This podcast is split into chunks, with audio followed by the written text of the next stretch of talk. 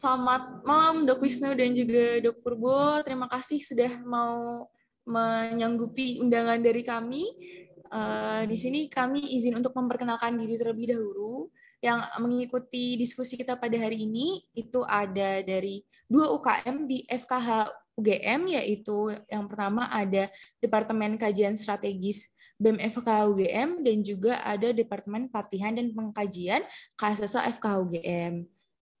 Nah, uh, sebelumnya saya izin untuk memperkenalkan baik Dok Purbo maupun Dok Wisnu juga ya kepada eh, teman-teman uh, semua. Yang pertama di sini uh, narasumber kita ada Dok Purbo. Beliau adalah salah satu dokter hewan yang berkecimpung di dunia konservasi. Kemudian juga ada Dok Wisnu yaitu uh, dosen dari mata eh, Departemen Parasitologi di Fakultas Kedokteran Hewan Universitas Gajah Mada.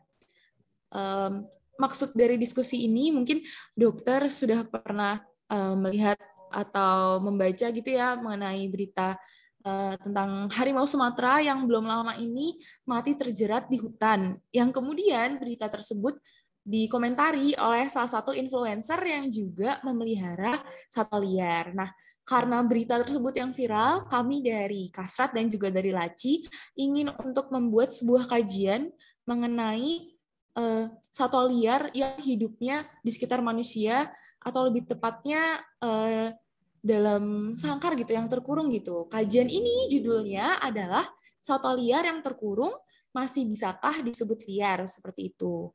Namun kami dari Kasat dan juga dari Laci masih merasa bahwa ilmu kami di bidang konservasi itu masih kurang sehingga kami mengundang di sini ada Dok Purbo dan juga Dok Wisnu untuk Eh, kita tanya-tanyakan gitu mengenai bidang konservasi.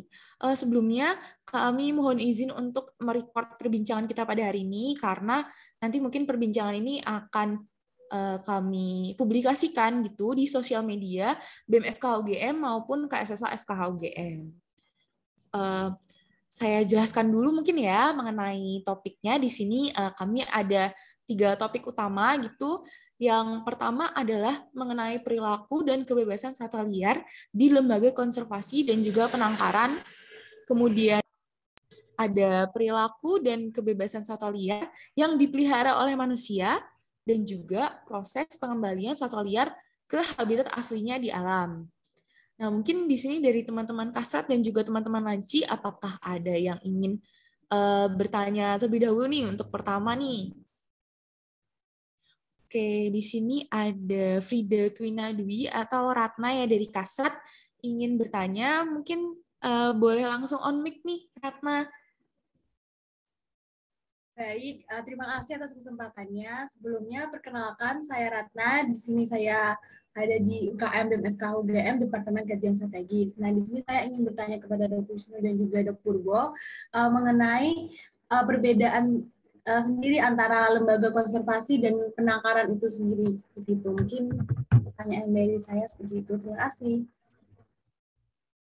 Oke, terima kasih Ratna. Mungkin dari Ratna ini pertanyaannya adalah perbedaan antara lembaga konservasi dan juga penangkaran. Mungkin dari uh, Dok Purbo terlebih dahulu, mungkin apa menurut Dok Purbo apa perbedaan antara lembaga konservasi dan juga penangkaran nih Dok? Oke, Sorry. Uh, ya, uh, selamat malam semuanya. Terima kasih atas waktunya. Terima kasih juga uh, Dok Wisnu juga sudah sempat hadir di sini untuk jadi narasumber juga gitu. Uh, pertanyaannya juga bagus. Ini uh, sering jadi apa ya? Uh, dasar kadang-kadang dari banyak orang untuk berpendapat bahwa oh yang penting ada izinnya gitu. Tapi banyak juga yang ngerti bahwa izin itu macam-macam ya. Salah satunya ketika kita bicara soal lembaga konservasi dan penangkaran itu memang uh, sudah diatur dalam dua peraturan yang berbeda. Kalau yang di lembaga konservasi itu diatur di Permenhub 53 tahun 2006 Sementara penangkaran diatur di Permenhub nomor 19 tahun 2005. Mungkin nanti teman-teman bisa ngulik sendiri ya, itu kurang lebih seperti itu. Tapi yang jelas kalau dari segi definisi eh, lembaga konservasi itu lembaga yang bergerak di bidang konservasi tumbuhan dan atau satwa liar di luar habitatnya, yaitu konservasi ex situ fungsinya untuk pengembangbiakan dan atau penyelamatan tumbuhan atau satwa dengan tetap menjaga kemurnian jenisnya.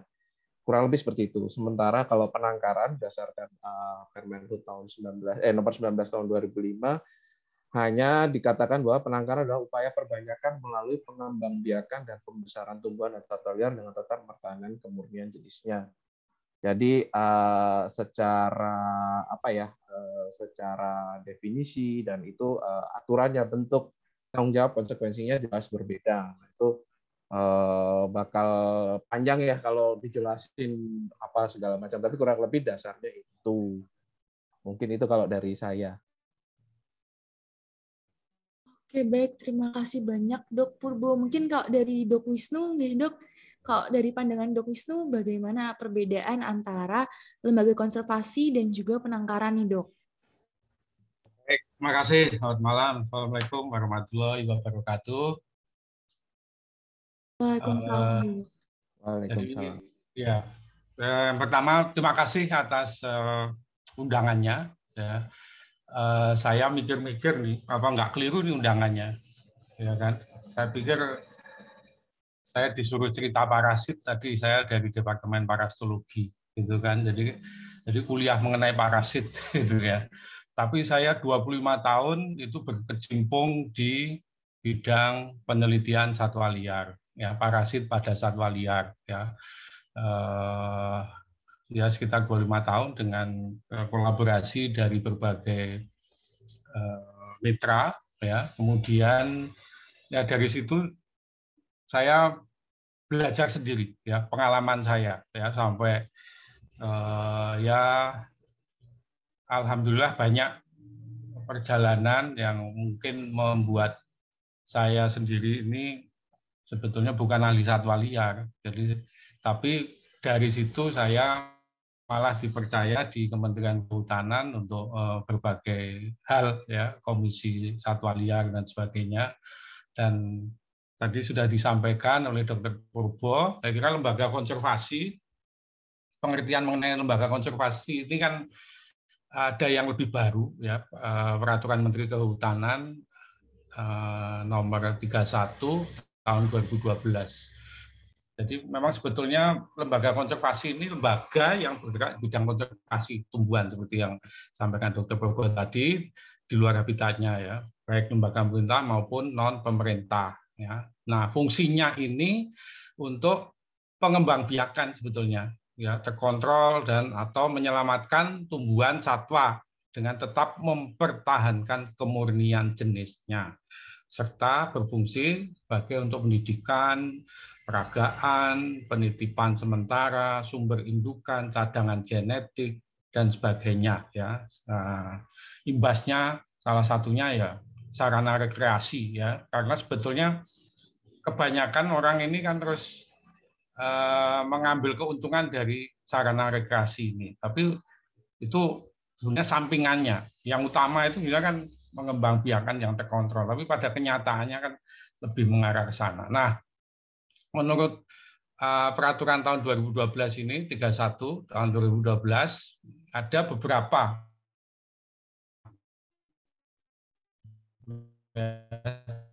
jenis uh, lembaga kunjungi ya. Misalnya pusat penyelamatan satwa di Kulon Progo ya. Pusat latihan satwa khusus ya. Misalnya gajah di Waikambas itu kemudian rehabilitasi satwa untuk orang hutan misalnya ya. Ah, kemudian juga ada yang lembaga konservasi untuk kepentingan umum, ya, misalnya kebun binatang, taman safari, taman satwa, museum zoologi, kebun eh, botani, ya, kemudian taman tumbuhan khusus, ya, herbarium, ya, ini juga lembaga konservasi. Nah, sementara dari eh, sisi penangkaran sendiri, ini menurut eh, peraturan Menteri Kehutanan nomor 19 tahun 2005 seperti disampaikan Dr. Purbo tadi adalah upaya ya sekali lagi upaya memperbanyakan eh, melalui pengembangbiakan dan pembesaran tumbuhan dan satwa liar dengan tetap mempertahankan kemurnian jenisnya. Nah, jadi ada yang bentuknya seperti pengembangbiakan satwa, ya, kemudian pembesaran satwa, ya dari anakan telur dari habitat ya kemudian ditetaskan dalam lingkungan terkontrol ya. Kemudian ada juga perbanyakan yang secara buatan artifisial ya pengembang biakan satwa ya eh, melalui eh, reproduksi maupun uh, yang tidak kawin ya. Misalnya ada beberapa contoh itu ya. Kemudian juga penangkaran untuk ini uh, pemeliharaan dan pembesaran anakan ya atau penetasan telur ya satwa liar tersebut ya nah tujuannya dari penangkaran sebenarnya sebenarnya kan mendapatkan spesimen tumbuhan dan satwa liar dalam jumlah dan mutu Eh, kemurnian jenis keanekaragaman genetiknya terjamin untuk kepentingan pemanfaatan. Ya, yang kedua ingin mendapatkan kepastian secara administratif gitu eh, bahwa uh, yang berasal dari kegiatan penangkaran ini benar-benar berasal dari kegiatan penangkaran. Nah, kalau kita masuk ke penangkaran kadang-kadang adik-adik juga bingung penangkaran atau peternakan. Nah ini, ini juga nanti diskusinya juga saya hanya mancing diskusi aja ya. Kelihatannya kan biar diskusinya ramai dipancing dulu ya. Satwa liar yang ada di penangkaran ini sebetulnya kan tidak mengalami pemilihan sifat atau domestikasi ya pada pada pada pada awalnya ya dan lingkungannya semestinya kan dibuat sedemikian rupa agar mirip dengan habitat aslinya. Jadi tidak boleh seperti bangunan manusia gitu ya, e, artinya kotak-kotak ya, kemudian sangkar atau apa. Nah, jadi dibuat sealami mungkin. Nah, kemudian juga mendapat intervensi yang rendah agar perilakunya ini dapat dipertahankan. Nah, kemudian pada penangkaran eh, baik eh, komersial maupun non komersial ini memiliki kewajiban untuk melepaskan sebagian satwanya ke alam liar ya dengan tujuan untuk memelihara jumlah dan variabilitas genetik di alam ya. Berbeda dengan peternakan yang seluruh hasilnya dipersiapkan untuk penjualan. Nah nanti kita diskusi lagi mengenai bagaimana ya sifat-sifatnya. Ya, saya kira itu untuk pemancing diskusi saja biar tidak ngantuk ya. Kalau diem aja ngantuk nanti. Nanti kita yang ngomong. Silakan Mbak. Iya, terima kasih Mbak banyak. Mbak Waci. Ya. Iya, terima kasih banyak Dok Wisnu atas jawabannya. Mungkin di sini udah ada uh, teman-teman dari Kastrat, Aprilia Rosa Ningrum, ada yang mau menanggapi atau mau menanyakan lebih lanjut nih, boleh nih Rosa langsung ditanyakan. Oke. Okay. Eh, terima kasih atas kesempatan yang diberikan kepada saya. Perkenalkan saya Rosa dari Kas, uh, Departemen Kasta. Uh, yang saya ingin tanyakan kan tadi dibahas tentang perbedaannya konservasi dan penangkaran. Nah, di antara kedua itu, apakah ada perbandingan kesejahteraannya? Mungkin, oh apakah yang di penangkaran ini lebih sejahtera atau kesejahteraannya sama saja? Gitu. Terima kasih. Oke, terima kasih atas pertanyaannya, Rosa. Mungkin ini kalau dari Rosa pertanyaannya adalah apakah ada perbedaan antara eh, kesejahteraan hewan yang ada di penangkaran maupun di uh, lembaga konservasi begitu. Mungkin untuk pertanyaan kali ini dari Dok Wisnu terlebih dahulu, boleh nih Dok? Ya, sebetulnya intinya kalau yang di penangkaran itu dibuat sedemikian rupa mirip dengan habitat aslinya ya.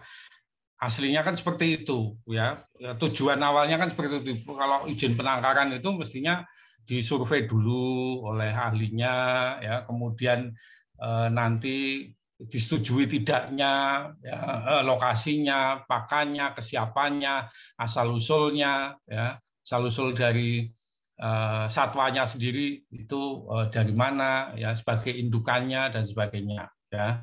Nah, tapi pada kenyataannya dari sisi kesejahteraan itu para pemilik ini baik lembaga konservasi maupun yang penangkaran ini mengabaikan ya. Jadi banyak yang mengabaikan karena yang diinginkan kan hanya ekonominya saja ya ekonominya. Misalnya kalau di lembaga konservasi yang uh, sudah besar ya sudah uh, bagus ya itu uh, dibuat juga sealami mungkin ya misalnya di dekat sini aja lah kebun binatang Biroloka itu zaman saya kerja di sana saya tahun 88 8 sampai 90 tiga tahun itu kerja di sana ya di Gembira sini. Sampai sekarang saya masih ya kadang-kadang disuruh datang ke sana. Ya rumah saya kebetulan dekat di timurnya Gembira itu. Jadi saya punya kartu khusus ya keluar masuk sana ya. Tapi sebetulnya sudah berkembang baik ya, berkembang baik artinya kandangnya kemudian beberapa zona-zona itu sudah dibuat mirip seperti kebun binatang di luar negeri. Ya, seperti di Eh, yang saya kunjungi di Chester Zoo itu kan malah yang paling lengkap se Eropa karena ada zona Jawa, zona Sumatera, zona Kalimantan. Namanya sudah hewan-hewan zona Kalimantan itu ya seolah-olah kita seperti di situasi di Kalimantan dengan lengkap dengan hewannya yang di Kalimantan. Yang Sulawesi juga begitu, Papua juga begitu ya. Jadi lebih banyak tergantung pada pendanaannya ya. Sementara kalau yang penangkaran belum tentu jelek juga, ya penangkaran yang diinisiasi oleh eh, lembaga swasta itu banyak juga di sekitar Jawa Barat ya atau di Kalimantan Timur untuk rusa itu juga bagus ya bagus sekali di sana malah berkembang biak di Pulau Bawean yang saya kunjungi rusa Bawean itu di sana lebih banyak eh, apa bereproduksi menghasilkan anak yang Eh, sangat-sangat baik sekali dibanding di kebun binatang Surabaya. Ya, karena apa? Situasinya luas, habitatnya juga apa eh, lokasinya dekat habitat alami, udaranya juga masih segar ya. Sehingga eh, waktu saya ke sana hanya sekitar lima ekor, sekarang sudah sampai lebih dari 30 kalau nggak di apa diambil atau dibawa atau dilepaskan ke nah, jadi banyak hal yang yang kita desain itu. Seperti rusa di penangkaran rusa di stasiun Flora Fauna Bunder di eh, Gunung Kidul ya. Itu desain awalnya sebetulnya bagus sekali karena lokasinya kan luas sekali ya luas sekali di sana. Nah, kemudian ada eh, kandang-kandang ada kontur yang dibuat ada semaknya ada telaganya ya. Jadi memang eh, desain awalnya seperti itu ya. Namun karena itu bergantung pada anggaran APBN akhirnya lambat laun ya seperti kandang lagi ya. Seperti kandang-kandang kandang ternak akhirnya seperti mirip seperti peternakan rusa. Padahal idenya kan penangkaran rusa di sana. Sebagai indukan nanti bisa disuplai untuk rusa eh, timorensis eh, ke habitat alaminya gitu jadi itu banyak hal yang mempengaruhi ya eh, kesiapsiagaan Eh, dari apa pendanaan dari apakah lembaga konservasi maupun penangkaran ya. Kalau awalnya mungkin mengajukan izin mesti dengan janji-janji yang manis ya.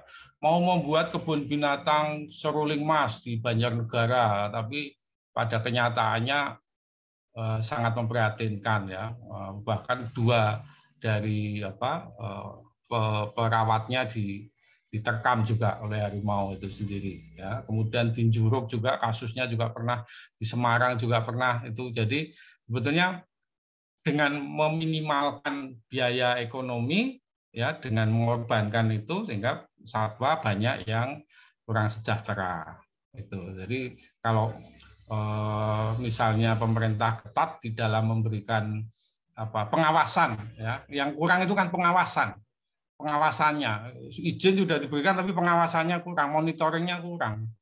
Nah, itu yang terjadi sehingga eh, ada juga beberapa yang ya mungkin kurang apa ya koordinasi dengan BKSDA setempat ya sehingga eh, perkembangannya memprihatinkan.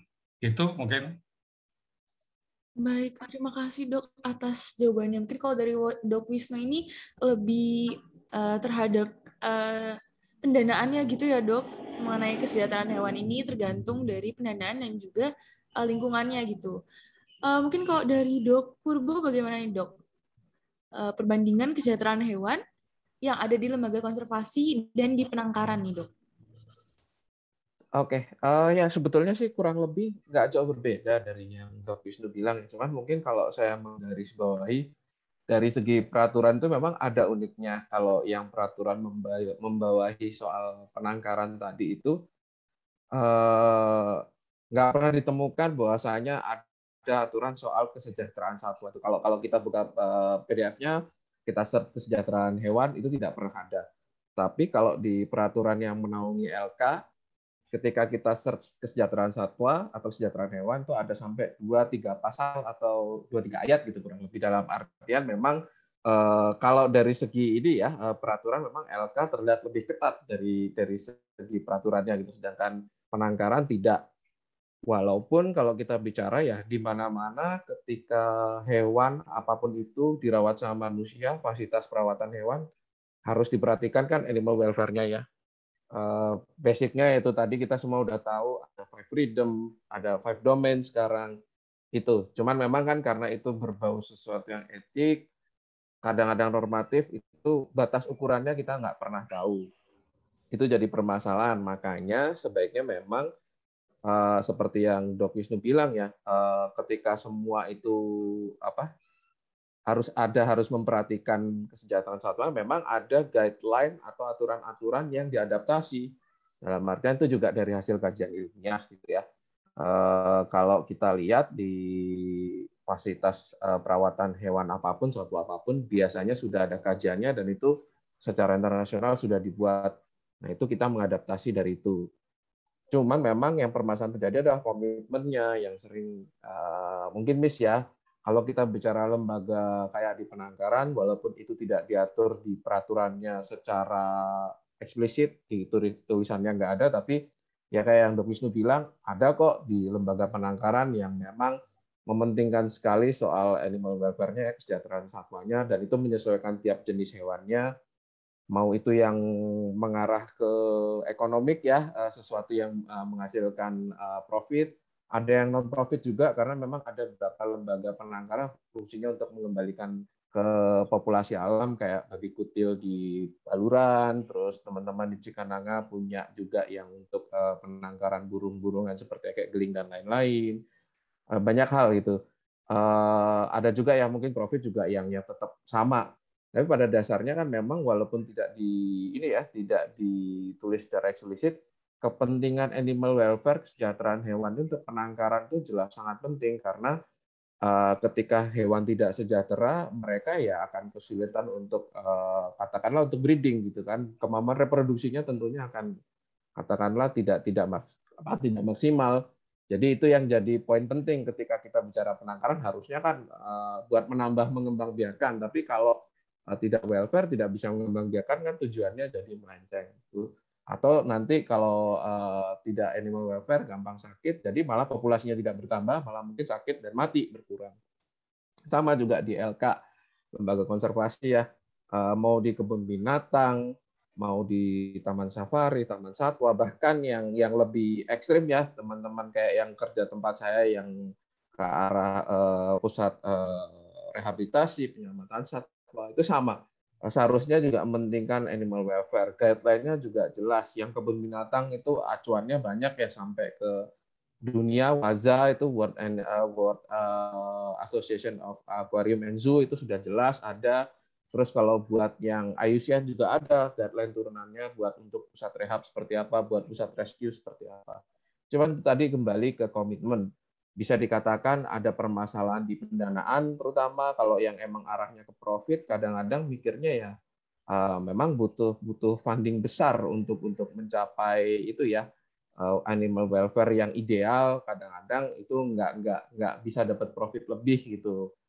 Nah kalau di sisi lain yang lebih ke ke arah rehabilitasi atau rescue center masalahnya kan karena tidak profit tidak menghasilkan untung ya itu uh, sulit juga menghasilkan dana besar untuk memprovide si animal welfare. Padahal tujuan mereka adalah supaya si hewan sejahtera langsung uh, bisa nanti ada akhirnya untuk dilepas liarkan kembali gitu. Atau ada beberapa kondisi ketika mereka tidak bisa dilepas liarkan, mereka kan selama di kandang tentunya kan kita nggak bisa ya uh, membiarkan soal ekor satwa di dalam fasilitas kandang tapi tidak dipenuhi uh, kesejahteraan satwanya seperti mendekati minimal di alam gitu. Jadi uh, itu kembali ke komitmen. Habis itu juga kembali juga uh, apa ya? Kalau seperti yang Dok Wisnu bilang gitu, peraturannya jelas, tapi kadang-kadang pengawasannya yang yang nggak nggak nggak jalan gitu mungkin ya.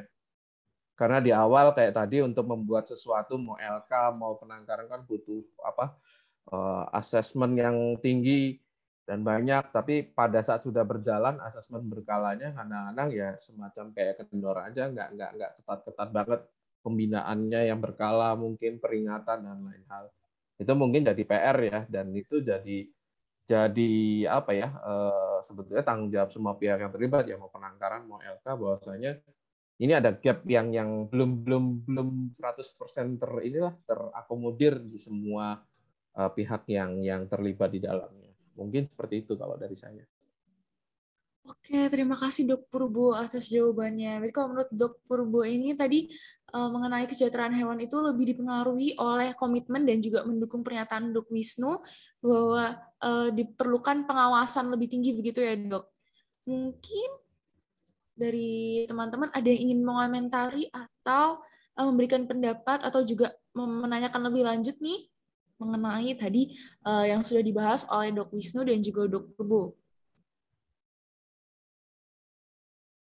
Oke, di sini sudah ada yang raise hand yaitu Dinda ya, Din.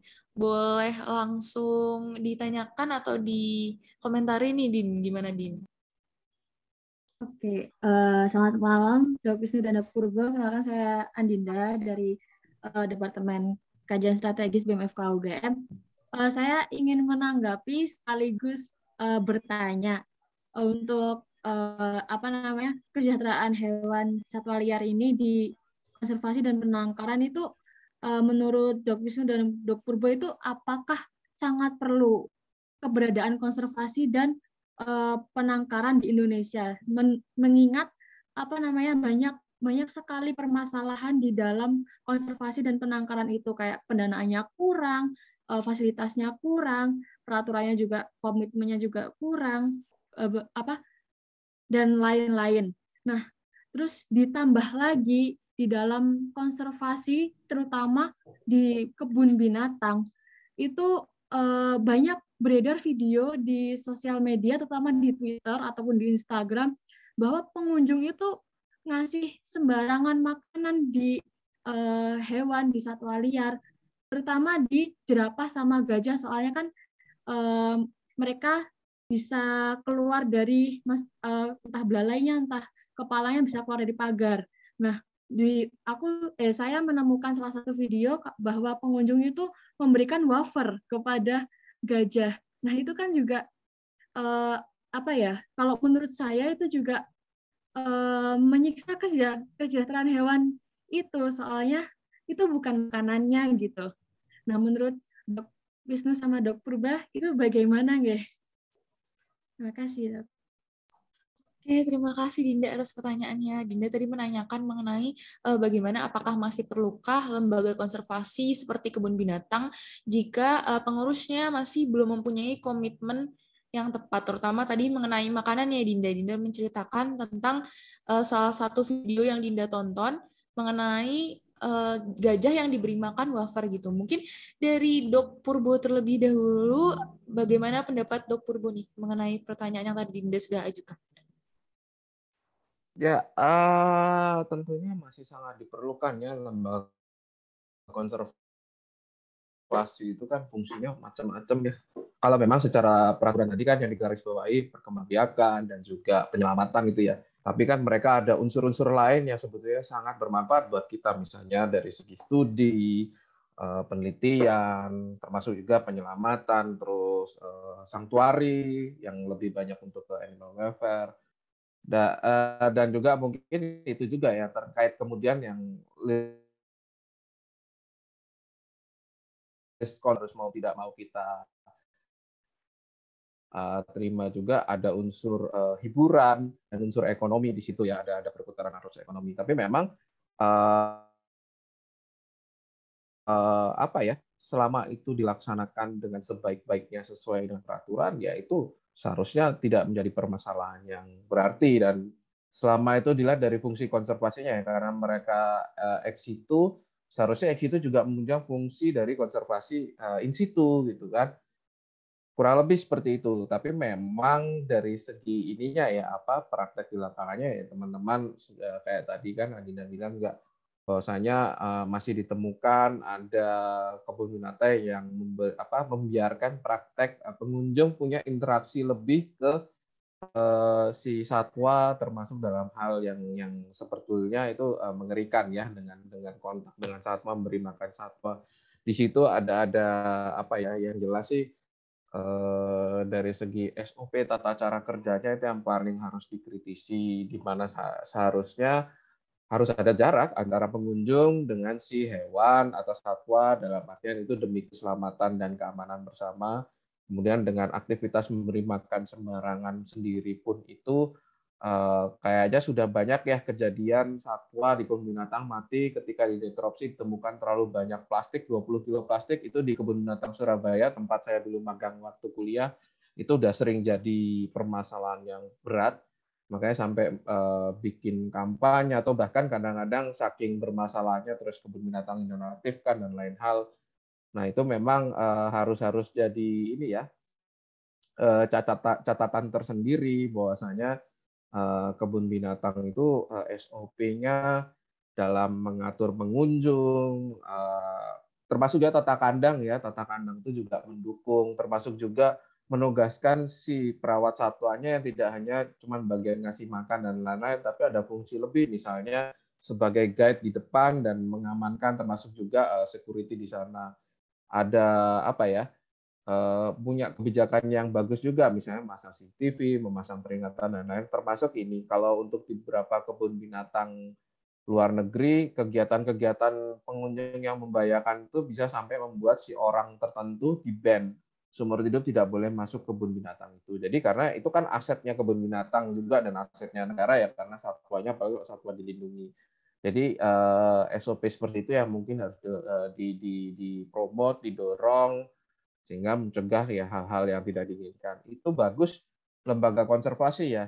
Yang sering saya agak miris malah kecenderungannya seperti misalnya di Bogor di Istana eh, Presiden itu juga sama. Itu tidak terkontrol eh, masyarakat yang lagi jalan di sekitar istana itu dengan enaknya ngasih makanan dan si rusanya pun dengan dengan mudahnya datang mendekat ke pagar. itu nggak ada yang ngawasin, apa pun bisa dikasih dan saya sering lihat ketika lagi jalan sana, wah ada juga plastik dan lain hal. Ini tidak terkontrol. Yang kayak gitu-gitu itu juga jadi permasalahan. Maksudnya eh, kompleks ya memang hubungan interaksi manusia dengan satwa di dalam satu fasilitas itu.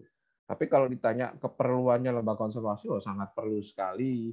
Apalagi kalau itu ada ini ya, apa ada sumbangsih ke konservasi in situ dalam artian kayak misalnya uh, mungkin lebih banyak contohnya di luar negeri kebun binatang kayak Chester Zoo banyak sekali membuat program untuk mendukung konservasi in situ baik itu juga di uh, beberapa negara yang satwanya terancam punah. Atau di Indonesia sendiri juga ada kayak Gembira Loka saya rasa juga cukup banyak programnya yang lebih ke arah untuk pro ke konservasi in situ. Baik itu dari segi breeding terus yang kemarin mereka membantu soal pelepas liaran macan tutul ya. Terus kayak Taman Safari juga ataupun TNI mereka punya program breeding khusus yang pada akhirnya itu nanti satwanya akan dilepas liarkan kembali ke alam. Kayak Taman Safari khusus untuk harimau Sumatera ada, di TMI untuk burung-burung tertentu itu banyak yang uh, di breeding untuk apa ditangkarkan untuk dilepas liarkan kembali di Taman Nasional eh sorry di daerah Pulau Seribu. Jadi banyak contohnya dan itu memang harus saling mengisi. Cuman memang uh, ini yang belum diangkat dan kurang diangkat ya sama media ataupun si kebun binatang LKLK itu sendiri untuk membranding apa ya eh, fungsi konservasi mereka gitu. Karena selalu yang dianggap orang-orang ketika melihat LK ya pada akhirnya yaitu uh, rekreasi terus kadang-kadang ya jelek-jeleknya jatuhnya lebih ke penyiksaan hewan dan lain-lain. Kalau itu bisa bisa di branding dengan baik ya dikemas dengan baik termasuk salah satunya Eh, mengurangi uh, aktivitas seperti memberi makan ya, terus properti foto, ada beberapa kadang masih terjadi yang yang membebaskan uh, pengunjung untuk uh, berfoto dengan satwa, animal riding, itu juga enggak animal welfare dan cenderung ke arah abuse. Habis itu sirkus, itu juga sama. Andai itu sudah bisa dibatasi, Terus habis itu lebih dijual juga tentang bagaimana peran si LK ini bisa mendorong pengembangan konservasi situ. Wah, itu bagus sekali, udah seperti kebun binatang modern gitu. Mungkin begitu kalau dari saya. Baik, terima kasih Dok Purbo atas jawabannya. Jadi kalau menurut Dok Purbo ini lebih ke masih sangat perlu lembaga konservasi itu. Tapi yang perlu dibenarkan adalah lebih ke praktiknya dan juga SOP-nya dan bagaimana eh, berjalannya program di lembaga konservasi tersebut. Nah, eh, kalau menurut Dok Wisnu bagaimana nih Dok Wisnu? Mengenai tadi pertanyaan eh, Mbak Dinda, apakah masih perlu lembaga konservasi yang ternyata masih banyak masalah yang terjadi begitu Dok? Ya, saya kira sama dengan Dr. Purbo. Ya. Ini kan lahannya dokter hewan. Ya, kalau lembaga konservasi dan penangkaran ditutup, ya dua tempat dari profesi dokter hewan ini yang ranahnya dokter hewan hilang. Ya, makanya harus diluruskan lagi. Ya. Saya kira aturannya sudah bagus. Ya. Peraturan menteri dan petunjuk teknis dan sebagainya itu sudah ada ya dari dulu itu juga harus melibatkan pakarnya dokter hewannya ya pasti ada itu ya hanya di dalam eh, pelaksanaannya itu kan kadang-kadang menyimpang ya karena sebetulnya dari intinya kan eh, mengembangbiakan ya terkontrol menyelamatkan satwa ya eh, aspek yang penting di situ sebenarnya kan pendidikan edukasi aspek edukasi ini sebetulnya yang harus ditonjolkan juga di lembaga konservasi. Ya, eh, sayangnya aspek pendidikan ini lebih banyak terkikis dengan aspek ekonomi tadi. Yang penting tiketnya banyak, ngasih makan aja beli lagi. Ya kita sudah bayar tiket, tapi di dalam masih uh, disuruh beli pakan lagi. Ya aspek edukasinya kan malah menjadi kita jadi boros. Ya tambah lagi ini 5000 kalau anu 5000 5000 lagi. Ya itu sebenarnya kan pembodohan. Ya pembodohan. Nah tugasnya generasi muda adik-adik semuanya ini meluruskan aspek edukasi di lembaga konservasi ini sebaiknya seperti apa? Aturannya sudah ada ya. Coba dikaji dibaca ya. Itu sudah ada semuanya ya. Peran dokter hewannya juga sudah ada. Tapi pada saat dokter hewannya eh, ada kasus obatnya atau penanganannya dananya minim ya. Sehingga ya seadanya ya. Eh, akhirnya kan tidak terselamatkan mati dan sebagainya. Nah ini yang yang akhirnya seperti itu. Jadi mestinya memang harus ada kontrol pengawasan yang ketat ya. Ya kita selama covid ini melihat banyak lembaga konservasi yang hidup enggan mati tak mau. Ya akhirnya kan kanibal. Ya, kanibal itu ya ada juga yang beberapa satwa yang yang dikorbankan untuk diberikan eh, kepada satwa yang lain ya. Atau mungkin kanibal dari sisi uh, aset ya itu dijual dan sebagainya ya. Sebenarnya banyak masalah ya eh, terutama karena pandemi kemarin ini. Nah, jadi kita perlu mendukung betul ya mengembalikan lagi fungsi-fungsi dari lembaga konservasi ex situ ini ya uh, nanti kan juga jadi uh, selain edukasi ya kemudian juga nanti juga uh, ada penitipan sementara banyak itu uh, dari pemerintah dari BKSDA kan nggak punya tempat ya kadang-kadang dititipkan ya. Mau dilepas uh, kan kembali habitatnya juga nggak apa mendukung. Biayanya untuk transport tidak ada ya. Atau mungkin di, eh, di burung dan sebagainya ini kan sebagai indukan juga ya cadangan genetik untuk mendukung populasi in situ ya. Dan yang paling penting ini sebenarnya kan juga kita ingin supaya lembaga konservasi itu menjadi tempat edukasi yang nyaman sekaligus rekreasi. Karena dari situ kan sangat membekas sekali ya. Ada foto kenangan dan sebagainya. Nah foto kenangannya foto yang baik ya. Tidak memberi makan yang eh, tadi disampaikan yang eh, eh, tidak semestinya ya. Eh, kadang diberi aqua sekaligus dengan botolnya dan sebagainya makanan yang tidak eh, sesuai dengan jenisnya yang dia makan dan sebagainya. Nah ini yang yang sangat merugikan ya. Saya malah eh, setuju malah kalau perlu ada ancaman untuk dipidanakan ya hukuman kalau misalnya apa-apa gitu di depan sudah jelas ya. Misalnya kalau masuk ke eh, satu tempat lembaga konservasi nanti dia harus menerima siap menerima apa sanksinya di situ. Nah mereka harus hati-hati. Yang yang sekarang agak menyedihkan ini ini belum belum eh, terekspos dengan mewabahnya PMK saya khawatir di lembaga-lembaga konservasi yang eh, mungkin sangat rentan terhadap virus-virus PMK ini. Sekarang kan luar biasa, cepat sekali satu minggu aja udah sekian ratus ya eh, ruminansia mati ya ah, di eh, lembaga-lembaga konservasi ada rusa, ada anoa, ada banyak satwa yang sangat sangat apa namanya eh, mudah sekali terinfeksi. Nah, mungkin sebelum masuk harus cuci kaki apa atau apa eh, sepatunya eh, ada desinfektannya itu ada apa eh, cairan di lantai gitu atau mungkin melalui semprotan masuk. Nah itu hal-hal yang semacam ini sebetulnya juga perlu digalakkan ya. Karena kalau melihat kerugiannya akibat PMK ini kan luar biasa ya jadi sudah diwanti-wanti sebetulnya lembaga-lembaga konservasi dan penangkaran ini juga harus siap-siap mewaspadai kalau ada eh, wabah di situ. Nah, ini yang nanti ke depan eh, perlu digalakkan ya. Kemudian penelitian ya, saya kira penelitian saya selalu menyarankan adik-adik ini meneliti satwa liar ya karena saya sejak keluarga saya itu kebetulan keluarga yang berkecimpung di satwa liar semua ya ada Pak D, ada Bude, ada Eh, mbah saya itu semuanya di eh, bidang eh, satwa liar, kehutanan dan sebagainya. Nah, jadi riset itu sangat penting.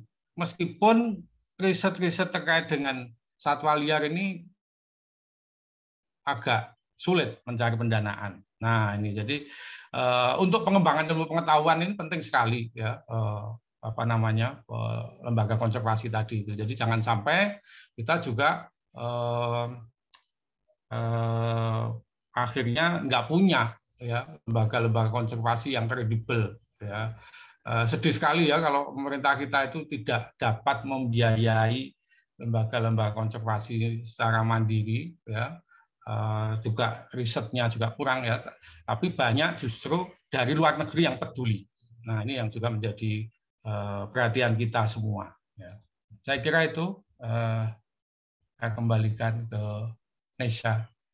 Ya, baik dokter. Terima kasih atas jawabannya. Kalau menurut dok Wisnu tadi, itu masih sangat perlu tentunya, tapi yang perlu diperbaiki adalah lebih dicondongkan ke aspek edukasi ya dok, dan juga uh, mengenai peraturan dan penelitiannya supaya untuk ke depannya bisa bermanfaat bagi kita gitu.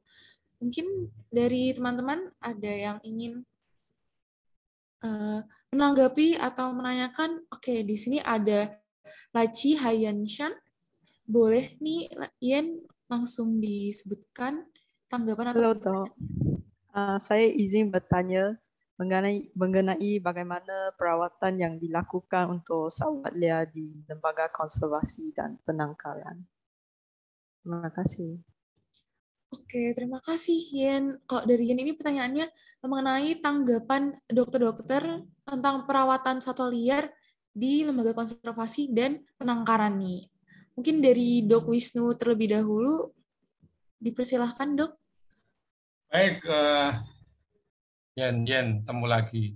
Ya, uh, senang saya kalau ada yang tertarik dengan satwa liar ya, yang muda-muda ini angkatan yang baru-baru karena ini menunjukkan perhatian eh, kita semua mengenai satwa liar.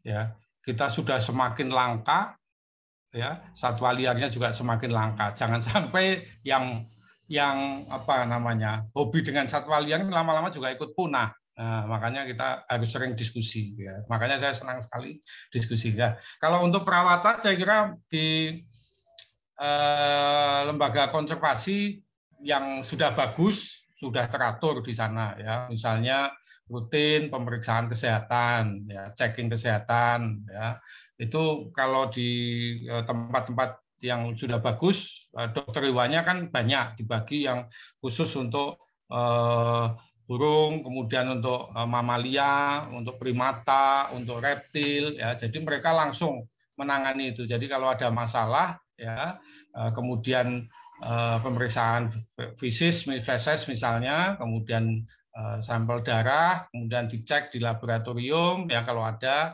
apa kemudian diobati ya selain pengobatan rutin pengobatan rutin khususnya untuk obat-obat cacing ya vaksinasi saya kira juga perlu dilakukan ya. Perawatan yang lain juga sama seperti hewan-hewan kesayangan ya mestinya ya seperti perawatan kalau ada kuku yang mungkin uh, busuk ya kalau panjang bulunya gimana jadi mandikan ya untuk yang satwa-satwa uh, yang besar ini sambil memandikan, sambil merawat itu kan nanti eh, perawatnya sendiri juga tahu kalau ada eh, sesuatu yang aneh ya gejala-gejala dari eh, satwa tersebut gejala klinisnya harus cepat segera melaporkan ya sehingga memang harus dilatih kedekatan antara perawatnya itu dengan si satwanya ya kalau dirawat dengan baik ada pincang, ada perubahan-perubahan klinis ya, eh, mata, kemudian dari kakinya, dari tubuhnya, dari sebagainya akan cepat ketahuan dan segera ditangani ya. Nah, masalahnya kalau tenaganya itu dokter hewannya itu sedikit atau bahkan hanya satu atau bahkan tidak ada. Ada loh. Lembaga konservasi nggak punya dokter hewan itu banyak ya. Dan mereka biasanya dari luar. Dari luar itu memanggil kalau ada kasus Ya, kalau ada kasus saja diundang, tapi kan biasanya kasusnya sudah berat. Ya, memanggil dokter hewannya kasusnya sudah berat, sudah akan eh, mati ya baru dilaporkan ya, terutama kasus bakteri, virus ya atau mungkin karena kecelakaan ya, itu kasus-kasus yang yang sebetulnya sudah berat ya eh, sudah berakibat dalam waktu yang singkat akan mati ya. Tapi perawatan berkala ini tidak dilakukan dengan baik, tidak disiapkan dengan baik. Ya. SOP-nya sebenarnya sudah ada. Ya. Eh, kalau mengacu pada eh, acuan internasional itu ada di website itu yang eh, apa namanya World Association Zoo itu kan ada itu semuanya detail sekali apa yang harus dilakukan ya hanya saja ya itu di dalam pelaksanaannya kan uh, mungkin si perawatnya atau dokter hewannya gajinya tunjangannya kurang sehingga ya sudahlah muternya cuman seminggu sekali. Yang harusnya setiap hari muter ya kontrol tapi mungkin hanya uh, jarang-jarang sekali. Apalagi yang tadi yang harus mengambil dari uh, dokter dari luar ya seperti itu. Ya jadi memang di sinilah seorang eh, dokter hewan yang berkecimpung di dalam eh, bidang satwa liar itu betul-betul yang mencintai satwa liar ya.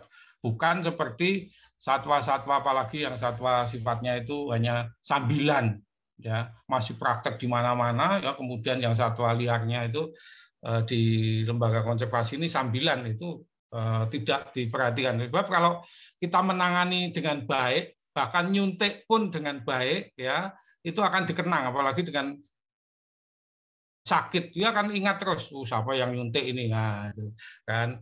Nah, Yan Jen ini dokter Yan yang nyuntik. Nah, nggak akan diingat terus nggak mau didekati disuntik itu ya. Karena daya ingatnya kuat. Jadi kedekatan itu penting sekali ya. Jadi dengan rasa kasih sayang ya itu akan um, apa namanya menimbulkan kenyamanan bagi satwa itu sendiri ya. Ya saya memang ini perlu banyak banyak exercise ya. Makanya saya menginginkan eh, kalian itu lebih banyak ikut magang ya. Waktu libur magang. Magang di mana? Magang di lembaga konservasi di penangkaran di mana. Kalau memang tujuannya ingin menjadi dokter hewan yang bergerak di bidang eh, satwa liar. Jadi memang eh, saat ini khusus untuk Yanjen semester awal ini sudah menentukan saya mau cita-cita jadi dokter hewan apa. Itu sudah punya bayangan ya uh, jangan mikir oh gajinya sedikit jangan begitu. Ya banyak teman-teman yang uh, bahkan bisa sekolah bisa jalan-jalan seminar ke luar negeri dan sebagainya didanai ke mana-mana ya. Pengalamannya banyak ya. Bekerja di NGO nasional maupun internasional ya. Jadi uh, pengalamannya banyak Ya, jadi memang eh, kalau memang sudah siap dengan eh, dunia satwa liar, ya sudah ilmunya itu dicari seluas-luasnya, belajar ke dokter purbo, ke mana-kemana yang nantinya akan memberi eh, manfaat dan kemantapan menjadi seorang eh, dokter hewan satwa liar. Ya, eh, itu saya kira itu Yenjen. Baik, Sehat terima ya? kasih Dok. Di Malaysia ya, Yenjen? Ya, masih di Malaysia. Ya, Malaysia. Oke. Terima kasih, Dok. Oke, terima kasih Dok Wisnu atas jawabannya. Kalau menurut Dok Wisnu ini lebih ke ini ya Dok, yang perlu diperhatikan itu adalah perawatan kesehatannya dan juga eh, bagaimana seorang dokter hewan itu lebih memerhatikan hewan-hewannya gitu ya Dok. Mungkin dari Dok Purbo tadi mengenai perawatan satwa liar di lembaga konservasi dan di penangkaran Dok, Dok Purbo, bagaimana nih tanggapannya? Eh, ya, eh, banyak yang udah dijawab sama Dok Wisnu sih sebetulnya. Cuman memang ini ada beberapa gap ya kalau kita lihat ya kalau kita bicara eh, kesejahteraan satwa eh, kadang-kadang terutama untuk di lembaga konservasi ex situ yang umum ya untuk yang kebun binatang dan lain-lain terutama yang apa ya yang mungkin yang eh, standarnya mungkin belum belum menuju ke arah kebun binatang modern kadang-kadang sekenaknya aja. Yang penting eh, hanya makan cukup eh, minum cukup ada kandang eh, satwanya istirahat terus nggak sakit gitu ya. Tapi sebenarnya kan komponennya lebih luas dari itu. Eh, kayak yang tadi Dok Wisnu bilang kan sebetulnya sudah ada SOP yang jelas ya kalau untuk kebun binatang dari segi itu sudah diatur di World Association of Aquarium Zoo untuk animal praktek animal welfare kesejahteraan satwa di di institusi kayak kebun binatang itu jelas eh, luas ya. Kalau kita bicarakan dari dari segi five freedom bisa ke sininya orang banyak lebih pakai ke five domain karena itu lebih mudah untuk diakses ya. Nah, salah satunya sih yang gampang misalnya eh, dari segi nutrisinya gimana gitu dari segi nutrisi ini bukan hanya mencakup eh, dia makan udah gitu, tapi lebih ke arah kandungan nutrisinya sesuai apa enggak, kebutuhan nutrisinya sesuai apa enggak, itu cukup enggak buat dia dalam fase katakanlah yang untuk reproduksi, fase anakan dan lain-lain. Termasuk juga itu bahkan sampai di di assess sampai ke kenikmatan dia ketika eh, makan. Itu sampai segitunya kalau kalau emang mau itu. Terus dari segi eh, kesehatan jelas harus ada dokter hewan yang rutin, periksa kesehatan, vaksinasi, dan lain-lain.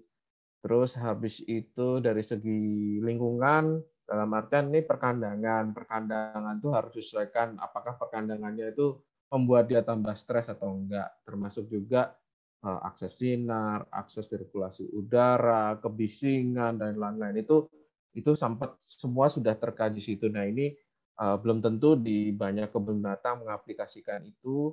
Termasuk juga uh, ini uh, desain kandang yang menyesuaikan sama perilaku si satwa liar seperti alaminya. Karena itu juga harus mempromot atau memotivasi si satwa untuk bisa berperilaku alami. Misalnya kalau kandangnya burung-burung kayak raptor ya harusnya yang bisa bertengger yang bisa dia terbang untuk uh, uh, apa lebih luas dan lain-lain gitu kan gitu. Atau misalnya untuk jenis-jenis kucing besar dia yang punya kebiasaan untuk uh, berenang dia harus dapat ponnya harus ada apa uh, airnya untuk berenang dan lain-lain. Itu uh, diatur seperti itu juga bahkan untuk sampai kandang. Nah yang sering terlupakan adalah uh, dari segi behavior dan interaction interaksi dan perilaku itu sangat kurang. Terutama kalau di kebun binatang ya. Saya rasa sih kebun binatang untuk staf perawatnya kebanyakan hanya sampai ngasih makan bersihin kandang mengamati si satwa sih oke, mungkin dia tahu dengan perilaku secara umum, observasi perilaku yang rutin, yang terdata, terus habis itu dibuat analisisnya, itu sangat kurang kadang-kadang, nggak semuanya ada. Ini jauh berbeda ketika kita bidangin di misalnya di lembaga konservasi khusus, walaupun tidak semuanya gitu, tapi karena lembaga konservasi khusus yang umumnya lebih ke arah pelepas liaran, perilaku ini juga salah satu yang harus di apa ya diamati dan dinilai karena tujuannya kan untuk lepas liar lagi. Kita harus yakin benar satuannya itu sudah siap untuk lepas liar dalam artian dia harus menunjukkan perilaku mendekati satwa liar yang di alam. Itu harus diakses sedemikian rupa.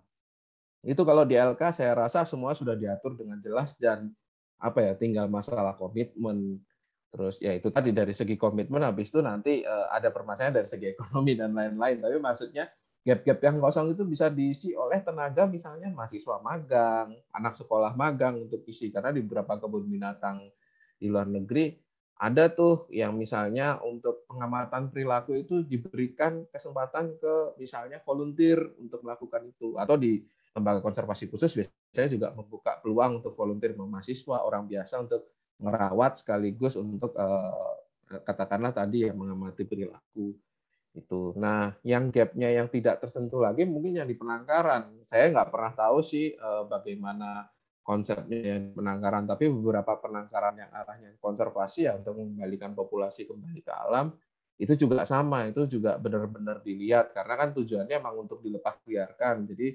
uh, secara prosedur mereka sudah mengarah ke arah sana, tinggal komitmennya dan dari komitmen itu mungkin ada permasalahan misalnya uh, dana dan lain hal gitu ya itu klasik lah yang itu. Nah itu tapi tapi itu suatu suatu bentuk konsekuensi yang harus diambil ya karena sudah sudah apa memutuskan untuk membuat suatu fasilitas perawatan satwa itu tadi gitu.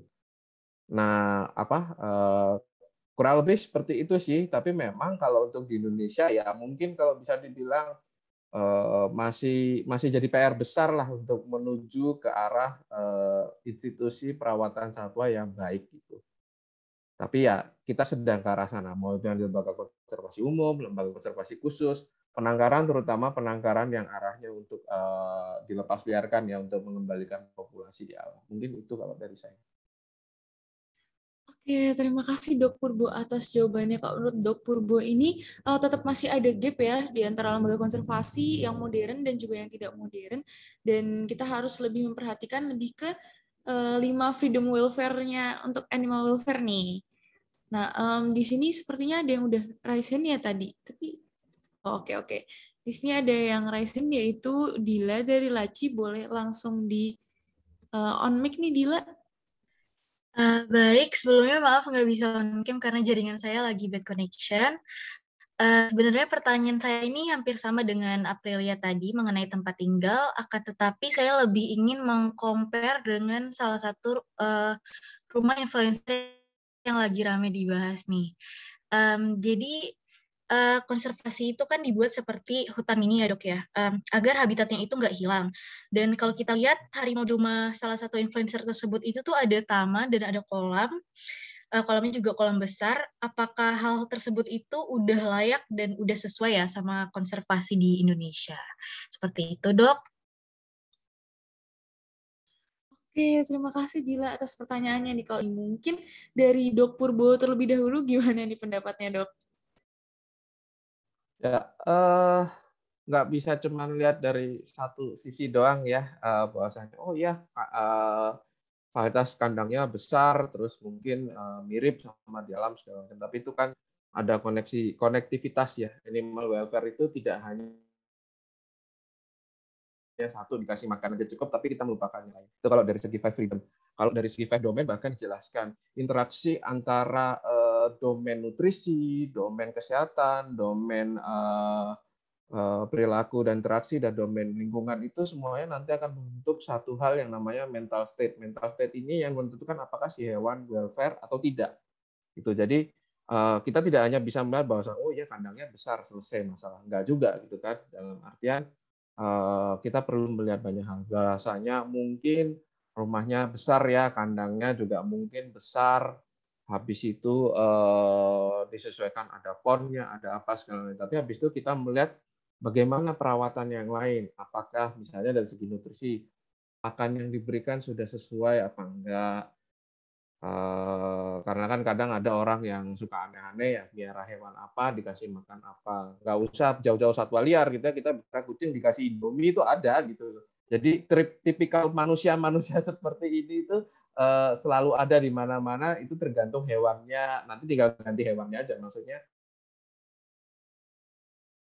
Uh, tipikal ngesalnya orang untuk memelihara hewan itu banyak gitu. Satu hal terus kemudian uh, kalau kita mau lihat dari segi perilakunya bagaimana gitu kan mungkin hewannya eh, di kandang yang besar tapi tidak di encourage dengan supaya si hewan berperilaku seperti uh, harimau liar. Jadi percuma kandang gede, tapi kalau dia uh, tidak di encourage untuk bisa uh, mem, apa ya menggunakan apa pun yang ada di dalam kandangnya untuk berperilaku seperti harimau, katakanlah gitu, itu juga sama aja bohong. Jadi nggak eh, bisa dilihat dari cuma sekedar kandang tok, terus kelihatan hewannya gemuk, berarti makannya sehat. Nah ini juga ada ada apa ya eh, satu miskonsepsi bahwasanya kalau menurut mereka hewan gemuk itu sehat, padahal gemuk itu juga tidak ideal gitu kan. Yang ideal ada hewan yang eh, kompa, eh, apa perbandingan lemak dan masa otot dan lemaknya itu cukup tidak berlebihan. Nah itu juga sering banyak orang ini. Cuman ya itu uh, kalau dibilang layak apa enggaknya itu uh, mungkin perlu di ini juga di compare dari uh, dia memakai ini enggak sih? Apa uh, guideline internasional yang mana? Itu sih. Kalau dia memang memakai guideline internasional yang mana tentunya kan dia harus konsekuen menjalankannya dari A sampai Z. Nggak bisa cherry picking ya. Oh aku maunya yang ini aja yang penting kandangnya gede urusan yang lain enggak. Nah itu satu uh, habis itu asesmennya bagaimana gitu. Nggak bisa hanya bisa dilihat dengan mata. Karena kan uh, kalau kita bicara kesejahteraan satwa kesejahteraan hewan ya nggak bisa dengan melihat sekali terus beres. Itu asesmennya cukup luas ya gitu. Jadi paling penting sih uh, ketika emang bilang oh itu besar itu kandangnya luas nah itu berdasarkan guideline yang mana terus asesmennya seperti apa pelaksanaannya sesuai dengan guideline-nya apa enggak itu aja sih kalau dari saya. Baik, terima kasih Dok Purbo. Kok menurut Dok Purbo ini tadi nggak bisa dilihat dari satu sisi saja, nggak bisa dari kandangnya aja, tapi kita juga harus melihat dari sisi pakan dan juga sisi perilakunya begitu. Mungkin kalau dari Dok Wisnu, bagaimana tanggapannya mengenai uh, tadi perbandingan antara tempat tinggal satwa di konservasi, di penangkaran, dan juga di tempat yang seperti uh, di influencer pelihara tadi, gitu dok. Ya, saya kira itu semua sebetulnya kan dampak dari apa istilahnya literasi digital. Ya, sekarang ini kan sudah masuk era digital. Jadi apa yang dilakukan para influencer itu mudah-mudahan saya tidak salah tangkap ada makna tersendiri. Ya, jadi kan sekarang mulai banyak nih muncul bidang-bidang mana saja ya. Apakah di satwa liar apakah yang itu yang uh, terkait dengan ya pokoknya yang penting dapat uh, follower apa namanya yang subscribe itu banyak ya. Sebanyak-banyaknya sehingga mereka kemudian membuat ya persis seperti sirkus virtual ya virtual sirkus. Jadi sebetulnya mereka itu ya nggak ada bedanya dengan seperti itu ya ya uh, hanya uh, kita sebagai orang yang peduli pada satwa liar mestinya harus uh, mengkaji kembali apakah yang dilakukan ini benar atau tidak ya. Karena kan mereka hanya melihatnya dari aspek fisik ya. Yang non fisik ini tidak terlihat ya. Seekor satwa liar itu yang paling baik itu kan di habitatnya ya bukan di tempat yang terkurung. As wild as possible. Jadi dibuat seliar mungkin ya. Jangan lupa yang namanya satwa liar wildlife itu kan ada hormon-hormon wildlife-nya yang selalu muncul ya. Ada seekor rusa yang dipelihara ya. Mulai dari bayi digendong diberi susu ya. Eh, kemudian ya seperti anaknya begitu ya.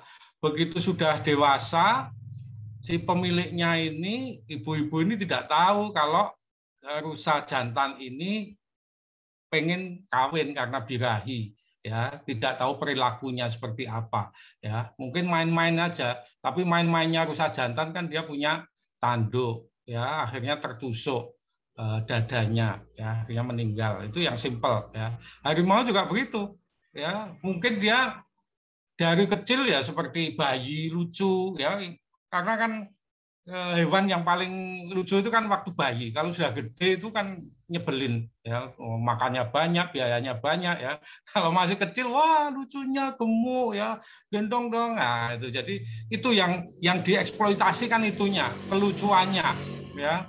Nah, ini yang mendatangkan aspek ekonomi. Influencer itu kan ujung-ujungnya nanti kan ada endorsement dari eh, sponsor dan sebagainya. Nah, ini yang yang kita harus waspada ya. Di bidang literasi digital ini kita juga harus memberikan satu edukasi yang baik ya. Edukasi yang seperti itu enggak enggak kalau menurut saya enggak baik ya karena dia seperti hewan kesayangan. Satwa liar seperti hewan kesayangan ini lu aku deket oh, bisa foto dan sebagainya. Coba ditampar main-mainan tampar sedikit aja nanti bisa copot giginya atau matanya biji matanya bisa lepas ya itu jadi banyak hal yang ya mungkin saja masih belum ya nasibnya masih baik ya. Karena itu satwa liar ada hormon-hormon liar yang masih ada kalanya itu muncul pada waktu estrus atau mungkin uh, makannya kurang ya. Termasuk pakan ya. Pakan itu kan dari sisi nutrisi kan mesti harus diingat kebutuhannya itu apa ya. Kebanyakan Eh, satwa-satwa yang dipelihara eh, tokoh-tokoh itu obesitas ya kegemukan ya. Orang hutan dikasih rawon dikasih soto dagingnya banyak. Akhirnya kan kayak orang gendut gitu. Ya waktu eh, orang hutan itu mati saya lihat itu waduh lemaknya banyak sekali. Ya itu kan berarti juga menyiksa. Ya menyiksa si satwanya itu sendiri. Dia nggak nggak menyadari ini sehat gemuk ini ya. Padahal kan kayak ya nggak bisa gerak ke sana kemari ya. Lari aja nggak bisa ya sehingga yang non fisik ini yang nggak kelihatan ini mestinya apakah dia sejahtera dengan uh, pemberian pakan dengan lingkungan yang seperti itu ya. Kandangnya bagus ya. Pakai marmer semua pakai CCTV dan sebagainya. Apakah satwa liar butuh CCTV di hutan? Kan enggak ya. Eh, saya pernah mengkritik itu. Eh, kebetulan riset saya ini kan lebih banyak ke self medicated behavior. Ya, saya meneliti self, jadi tingkah laku menyembuhkan diri sendiri pada satwa. Ya, itu yang saya teliti. Ya, nah eh, kebetulan ada gajah dan harimau yang saya jadikan sampel itu. Ternyata yang ada di penangkaran di lembaga konservasi makanannya itu tidak sesuai apa yang mereka makan di hutan ya nggak mungkin di hutan itu orang hutan itu makan jeruk makan semangka makan nanas ya. Kayak di eh, supermarket. Ya di sana kan adanya hanya daun ada buah yang ada di alam itu ada pete ada jengkol ya mungkin ada kalanya duren lah ya. Tapi mereka bisa memilih pada saat dia itu membutuhkan satu pakan instingnya itu jalan ya. Insting wildlife-nya itu jalan. Oh perutku sakit saya perlu pakanan ini ya sirih misalnya. Ada sirih-sirih hutan itu yang dia makan untuk membasmi protozoa atau cacing yang ada di saluran pencernaannya ya itu. Jadi dia digigit oleh lebah hutan. Dia akan mencari cahania ya seperti rumput hutan ya kemudian dikunyah tempelkan. Nanti dalam waktu 10 menit eh, apa namanya bengkaknya karena gigitan itu hilang. Itu insting insting. Nah kalau dia dipelihara manusia, instingnya itu hilang. Yang ada insting minta dong, whiskas, minta dong tadi ada daging yang sudah dibuat steak, ya minta dong yang sudah dicampur uh, rawon, soto dan sebagainya.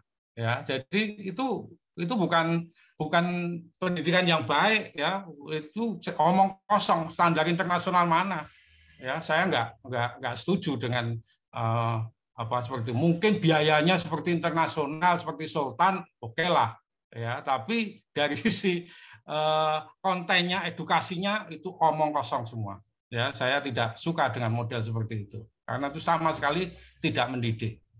Itu mungkin sudah sharing saya.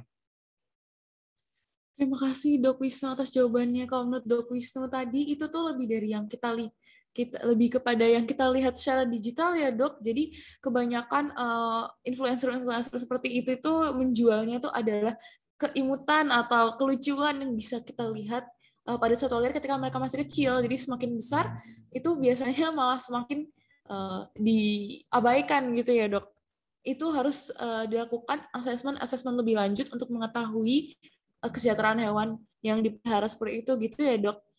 Nah, mungkin uh, topik pertama kita sudah selesai nih di uh, satwa liar yang dipelihara di konservasi dan di penangkaran. Nah, seperti tadi juga Dila juga udah mulai uh, menyenggol-nyenggol tentang satwa liar yang dipelihara nih, kita mulai masuk ke perilaku dan kebebasan satwa liar yang dipelihara. Mungkin dari teman-teman ada yang ingin bertanya atau ingin menanggapi atau mungkin oke okay, di sini ada yang raisen yaitu Dea dari Laci. Mungkin Dea boleh on on mic nih langsung disampaikan. Oke, selamat malam Dok Wisnu dan Oh, uh, di sini saya mau nanya tentang um, tadi kan udah disinggung ya tentang uh, perizinan pemeliharaan satwa liar. Nah, saya ingin bertanya tanggapannya uh, dokter tuh gimana sih mengenai perizinan dan undang-undang terkait uh, pemeliharaan satwa liar itu itu sendiri. Terima kasih.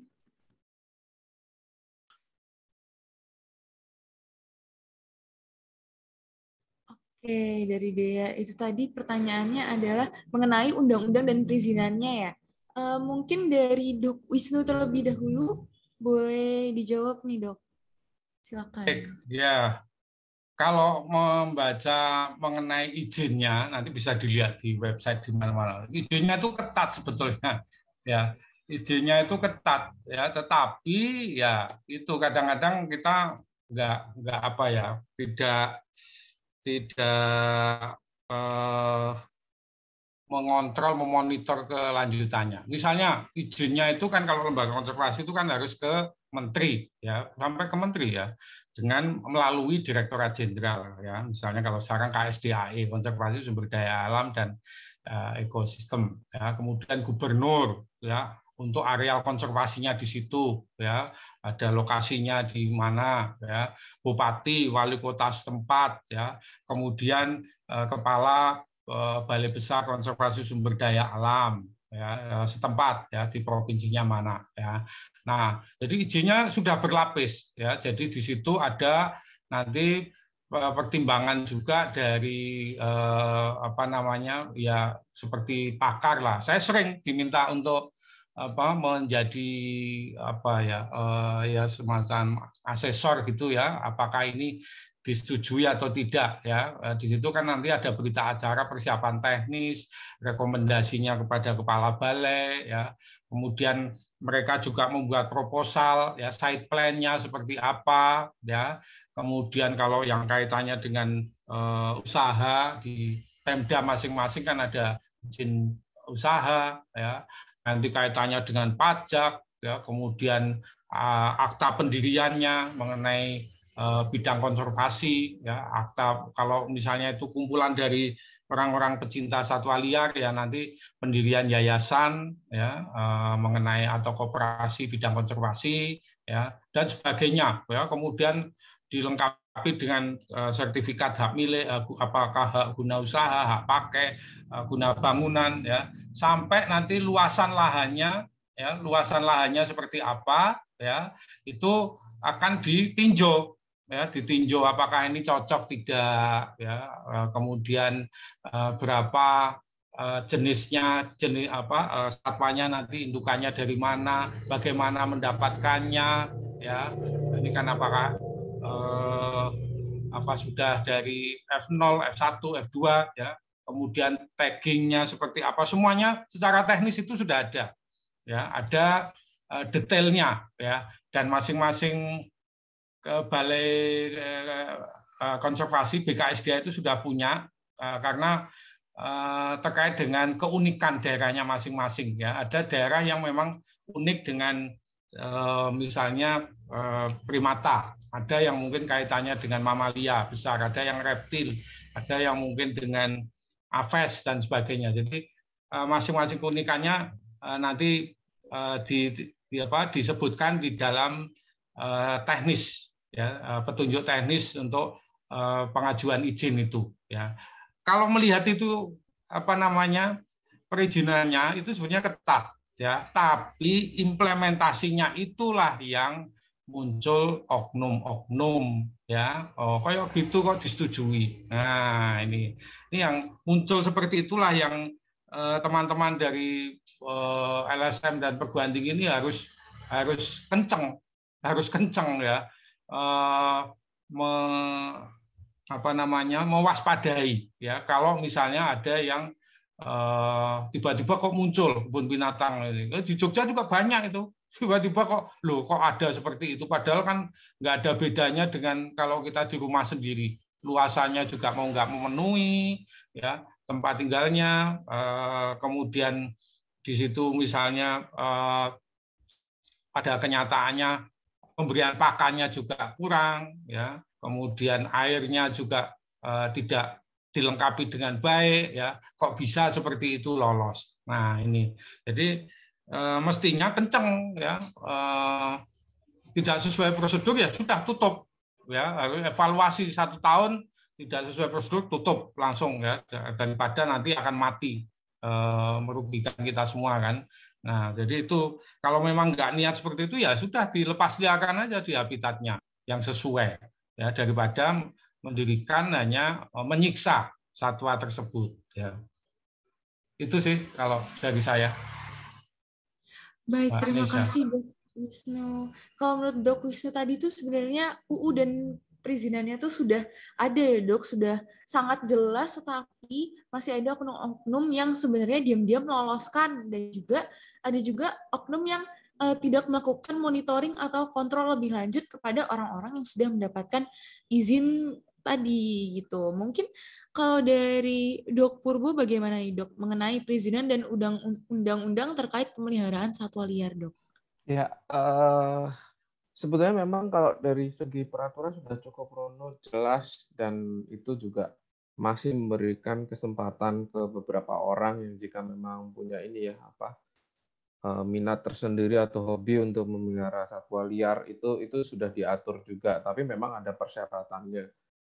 Cuman memang dari undang-undangnya sendiri itu sudah cukup lama ya, undang-undang tahun 90, keluaran 1990 itu udah berpuluh-puluh tahun, dan mungkin seiring dengan waktu dan perkembangan zaman itu banyak hal yang tidak tercakup dalamnya. Salah satunya soal uh, itu tadi uh, memelihara satwa liar yang dilarang selalu kan yang yang bisa bisa diperkerakan selalu berhenti sampai apakah satwa liarnya dilindungi apa enggak. Kalau dilindungi itu bisa diperkarakan. Toh tapi kalau orang memelihara satwa liar dilindungi sanksinya sering-sering nggak ada. Jadi kebanyakan hanya uh, si satwa disita, si pemelihara disuruh menulis surat keterangan uh, untuk berjanji tidak mengulangi dan lain-lain. Udah seperti itu. Sementara kalau dari segi undang-undang kan prinsipnya jelas di pasal 21 sampai 22 ya bahwasanya orang dilarang untuk memburu, menangkap, membunuh, memperdagangkan, memelihara satwa liar. Jadi semuanya itu punya punya punya apa ya? kedudukan yang sama kalau menyakiti satwa liar mau itu miara, mau itu jualan, mau itu buru, mau itu memperdagangkan gitu kan. Nah, itu tapi hanya sebatas sampai di satwa liar yang dilindungi yang nggak dilindungi ini yang yang kadang-kadang jadi daerah abu-abu dan sering lost dan selalu punya dalih kan. Misalnya orang piara musang misalnya nggak dilindungi. Orang piara monyet monyet ekor panjang. Monyet ekor panjang nggak dilindungi. Bahkan yang menarik ada juga gini eh, peraturan yang memungkinkan bahwasanya satwa liar dilindungi selama itu hasil penangkaran dalam artian dia generasi kedua F2 itu legal untuk dipelihara dan itu uh, tentunya berasal dari uh, hasil penangkaran yang resmi dan dari hasil F2 yang resmi ya gitu.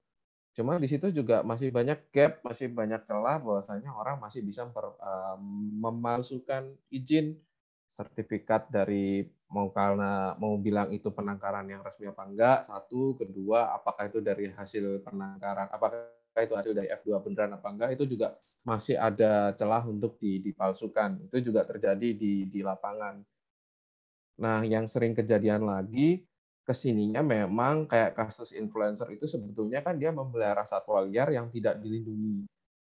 Uh, karena dilarang tapi masih tetap ingin sering-sering adalah diarahkan menjadi penangkar. Nah, untuk jadi penyangkar kan butuh syarat banyak ya. Itu uh, kalau dibaca di Permenhubnya itu jelas banyak syaratnya. Habis itu satwanya juga nggak boleh satu biji, jadi harus sepasang karena itu arahnya buat penangkaran kan, buat itu. Ya ini, uh, jadi banyak uh, penangkar-penangkar ini yang sebetulnya uh, mungkin bisa saja memang tidak punya niat untuk menangkarkan, tapi hanya memelihara gitu.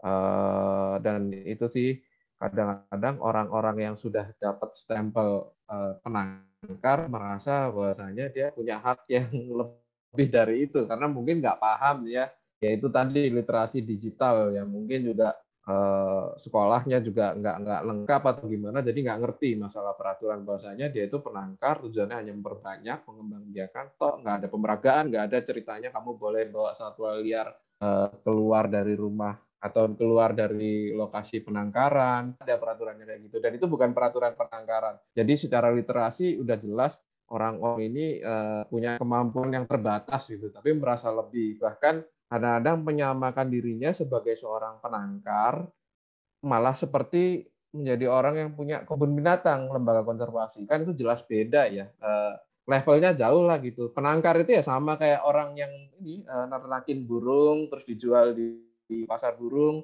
yaitu penangkar itu. Bukan uh, maupun kamu piara apa menangkarkan harimau ya tapi kurang lebih sama kayak orang yang nangkarin burung buat dijual di pasar burung. Bukan bukan kebun binatang. Nah tapi uh, permasalahan yang terjadi mungkin orangnya uh, katakanlah berada terus terkenal mungkin ganteng juga kan itu jadi mengalahkan mengalahkan ini ya akses informasi yang benar sehingga orang-orang banyak yang tidak teredukasi dengan baik masalah peraturan. Jadinya ya peraturan itu dibolak-balik. Nah ini yang nggak baik sih sebetulnya karena ini mengajarkan orang untuk uh, berperilaku yang sama. Kalau punya duit dia melakukan cara yang legal seperti itu, walaupun mungkin nanti ada efek ketika sudah dapat izin yang legal, tapi ya gitu, ada penyelewengan izin atau ya daripada capek-capek ya saya yang ilegal saja dan itu banyak kejadian. Mungkin dari saya seperti itu masalah uh, peraturan ya. Baik, terima kasih Dok Wisnu, eh Dok Purbo atas jawabannya. Kalau dari Dok Purbo di sini, menurut Dok Purbo untuk peraturannya sendiri itu ada dan lengkap, tetapi sudah uh, terlalu lama ya Dok, sudah tahun 1990-an sehingga untuk saat ini yang sering terjadi itu banyak uh, bagian dari peraturan tersebut yang bisa diakalin gitu. Sama Eh, oknum-oknum yang ingin memelihara hewan secara legal, namun hewan-hewan tersebut masih termasuk hewan-hewan yang uh, sebenarnya tidak boleh gitu. Oke, kalau gitu, um, ini sebenarnya di kolom chat tadi ada yang sempat bertanya nih dari Adinda, dari Kasrat BEM, bertanya jika ditanya mengenai nutrisi pada pakannya, jawabnya saya memberikan daging kualitas tinggi. Bagaimana itu dok? Begitu kalau dari Dinda.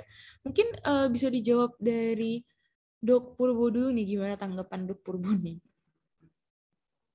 Ya, uh, ya kalau mau klaim juga saya makan enak tiap hari kan juga orang aja percaya. Tapi yang saya makan tiap hari cuma nasi aking kita nggak ada yang tahu kan kasarnya gitu.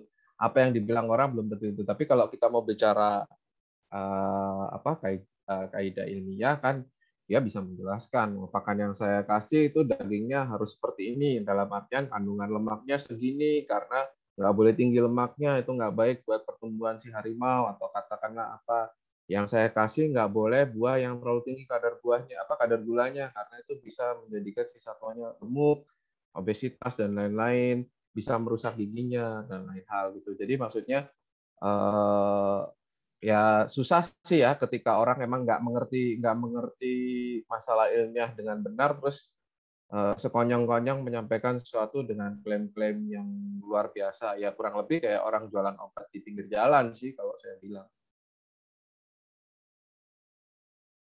Oke, terima kasih dok atas jawaban Kak untuk dok Purwo tadi. Uh, itu mah orang mungkin bisa gitu ngomong uh, begitu mudah, tapi belum tentu dia bisa membuktikan gitu ya dok. Mungkin kalau dari dok Wisnu seperti apa nih dok tanggapannya mengenai tadi uh, influencer yang menjawab saya memberikan dagingnya kualitas tinggi gitu dok. Ya, saya kira kualitas tinggi itu apakah sudah sesuai dengan kebutuhannya, kebutuhan nutrisinya, ya. Eh, kan tidak hanya butuh eh, daging protein tinggi saja, ya. Kalau lemaknya tinggi, nanti juga tadi seperti disampaikan Dr. Purbo, obesitas, ya. Tapi kebutuhan yang lain itu mestinya juga dipenuhi, ya. Yang namanya karnivora itu tidak selalu hanya makan daging ya kalau lihat di TV-TV itu kan juga dia kadang perlu ada rumput ada apa ya Ya, itu kan ada insting yang dia perlukan. Nah, itu yang dia tidak miliki. Yang tidak miliki kalau di di apa namanya dipelihara orang yang seperti itu yang yang ya istilahnya bukan white lagi ya itulah yang membelenggu yang menjadikan dia itu terkungkung karena tidak sejahtera ya karena dia tunduk takut nanti kalau diancam nggak dikasih makan atau mungkin di bawah tekanan sebelum syuting seperti apa ya itu ketika kan nggak tahu. Nah jadi sebetulnya ya paling baik ya as well as possible ya dia ada exercise-nya keliling setiap hari itu berapa eh, langkah larinya berapa meter dan sebagainya ya eh, pakan dagingnya kualitas tinggi tapi setelah itu dibakar sehingga dia tetap sehat. Kemudian juga untuk mengantisipasi kekurangan uh, nutrisi yang lain ya uh, sumber pakan yang lain itu kan tidak hanya dari daging saja. Nah itu juga mestinya juga diperhatikan. Nah itu. Jadi bukan bukan hanya daging yang kualitas tinggi kualitas tinggi itu kalau menurut saya lebih banyak ke apa ya pamer Ya, ini loh saya beli daging dari impor dari Amerika, impor dari luar negeri seperti itu ya. Padahal kan ya kalau kita orang yang mungkin nggak tahu apa masalah bagaimana nutrisi se seekor satwa ya wah hebat ya membelikan daging dagingnya aja impor sekian miliar setiap bulannya itu berarti kan aspek itulah yang ingin ditonjolkan seorang influencer seperti sekarang ini kan banyak ya jalan-jalan ke luar negeri ke mana-kemana, ya sama halnya, nggak ada bedanya. Nah, kita yang dari perguruan tinggi atau mungkin teman-teman dari LSM mestinya harus memberikan feedback ya eh, yang baik, counter yang baik ya eh, di dalam komentar itu ya. Eh, sekarang kan banyak pihak-pihak yang sebetulnya tidak betul, tetapi karena pengaruh dari publik itu demikian kuatnya, nanti akan ah, menjadi apa namanya merubah ah, perilaku sikap dari influencer itu. Ya itulah ke apa namanya ke, kebebasan dari era digital itu seperti itu. Jadi kita publik itu bisa memberikan langsung justifikasi sesuai dengan apa, misalnya dengan dengan literatur, dengan norma-norma pemberian pakan yang baik dan sebagainya itu. Jadi tulis saja di kolomnya, misalnya kalau di YouTube ya bawahnya ditulis. Ya. Kalau perlu ya kita giring ke opini ke masyarakat bahwa ini nggak benar, ya ini nggak benar. Kan banyak juga itu yang eh, sekarang ini kan sering sudah mulai sedikit ya ada eh, sirkus yang keliling. Zaman saya kecil itu kan banyak sekali sirkus yang keliling yang yang pelatihannya itu tidak tidak uh, memenuhi kaidah animal welfare. Disiksa dulu pakannya kemudian uh, dia diberi pakan kemudian dia mau loncat dan sebagainya itu. Nah sekarang karena pengawasan kontrol dari masyarakat sudah semakin baik semakin terbuka di era digital nah mari kita dorong edukasi melalui uh, media digital media sosial ini dengan sebaik-baiknya. Nah teman-teman yang mungkin bergerak di satwa liar tentu sering-sering juga eh, seperti patroli itu ya siapa sih yang yang sering uh, apa namanya influencer yang nggak benar itu yang kita berikan apa pemahaman yang benar ya supaya nantinya tidak ditiru yang lain. Ya gawat nanti kalau semuanya niru seperti itu ya mentang-mentang punya uang banyak ya pelihara gajah pelihara apa ya akan bahaya sekali ya. Karena satwa kan nggak bisa ngomong. Kalau dia pengen ngomong kan mendingan dia tidak dipelihara orang mendingan di habitatnya di alam bebas. Itu sih kalau menurut saya Baik, terima kasih Dok Wisnu atas jawabannya. Kalau menurut Dok Wisnu tadi, kualitas tinggi itu belum tentu nutrisinya mencukupi gitu ya Dok. Malah eh, orang-orang yang bicara seperti itu biasanya justru malah pamer karena bisa dan sanggup membeli eh, makanan-makanan yang seperti itu. Nah mungkin dari teman-teman lain ada yang ingin menanggapi atau uh, bertanya atau oke di sini sudah ada yang raise hand yaitu Ajeng dari Laci boleh langsung on mic Ajeng Baik, terima kasih atas kesempatannya. Jadi saya ingin bertanya, dari yang saya lihat di sosial media itu sendiri lumayan banyak influencer dan public figure sendiri yang memelihara uh, satwa liar tersebut. Jadi tanggapan dari dokter sendiri mengenai influencer maupun public figure yang memelihara satwa liar itu gimana sih? Dan dampaknya juga untuk masyarakat Indonesia yang istilahnya itu masih awam ya dengan pemeliharaan satwa liar itu seperti apa. Nah, jadi kan tadi juga Dok Wisnu menyinggung tentang ya komen eh, membalas di komentar dari konten-konten tersebut. Tapi eh, dari yang saya lihat juga di komen udah uh, sudah diberikan komentar yang istilahnya mengedukasi untuk influencer di situ, tapi masih banyak fans-fansnya sendiri itu yang malah membela dari influencernya sendiri dan malah menggiring opini lebih seperti itu sih. Terima kasih atas kesempatannya. Oke, terima kasih Ajeng atas pertanyaannya. Ajeng tadi bertanya mengenai pendapat eh, dokter-dokter mengenai influencer yang tadi sebenarnya merupakan public figure tapi malah memelihara dan malah menginfluence orang-orang lain untuk ikut memelihara. Kemudian juga uh, sudah ada indikasi mungkin teman-teman uh, dokter hewan atau teman-teman lain yang uh, sudah berpengalaman untuk mencoba mengingatkan melalui komen tapi malah uh, diserang balik oleh fans-fansnya gitu. Mungkin dari Dok Wisnu terlebih dahulu, bagaimana nih tanggapannya Dok? Ya, kalau menurut saya yang salah itu adalah yang pengambil kebijakan, ya. Jadi yang salah itu ya kalau dalam hal ini ya yang terkait dengan tatwa liarnya, ya. Karena ini kan sebetulnya eh, satu hal yang yang apa namanya yang sangat krusial ya sekarang ini eh, dua tiga tahun terakhir ini kan eh, banyak public public figure yang pelihara satwa liar, kemudian dia pamer, kemudian dia me, me, apa namanya menampilkan hal-hal yang tidak seben, uh, yang tidak baik untuk kita uh, contoh ya. Itu hanya yang di media sosial ya. Yang tidak seperti itu itu ya aparat itu banyak sekali. Ya masyarakat tokoh masyarakat pejabat itu yang pelihara yang tidak pernah terekspos. Ya itu banyak sekali. Ya nah itu juga menjadi keprihatinan kita. Sejak lama itu sudah menjadi keprihatinan kita yang kita juga memberikan eh, edukasi pada masyarakat umum tetapi sekaligus juga advokasi kepada pengambil kebijakan ya ya Kementerian Kehutanan eh, kemudian juga eh, Kominfo ya. Nantinya juga mungkin dari sisi aparatnya kepolisian kalau memang itu ada eh, konten yang menyesatkan. Ya selama ini kan tidak ada ya kontennya. Karena apa?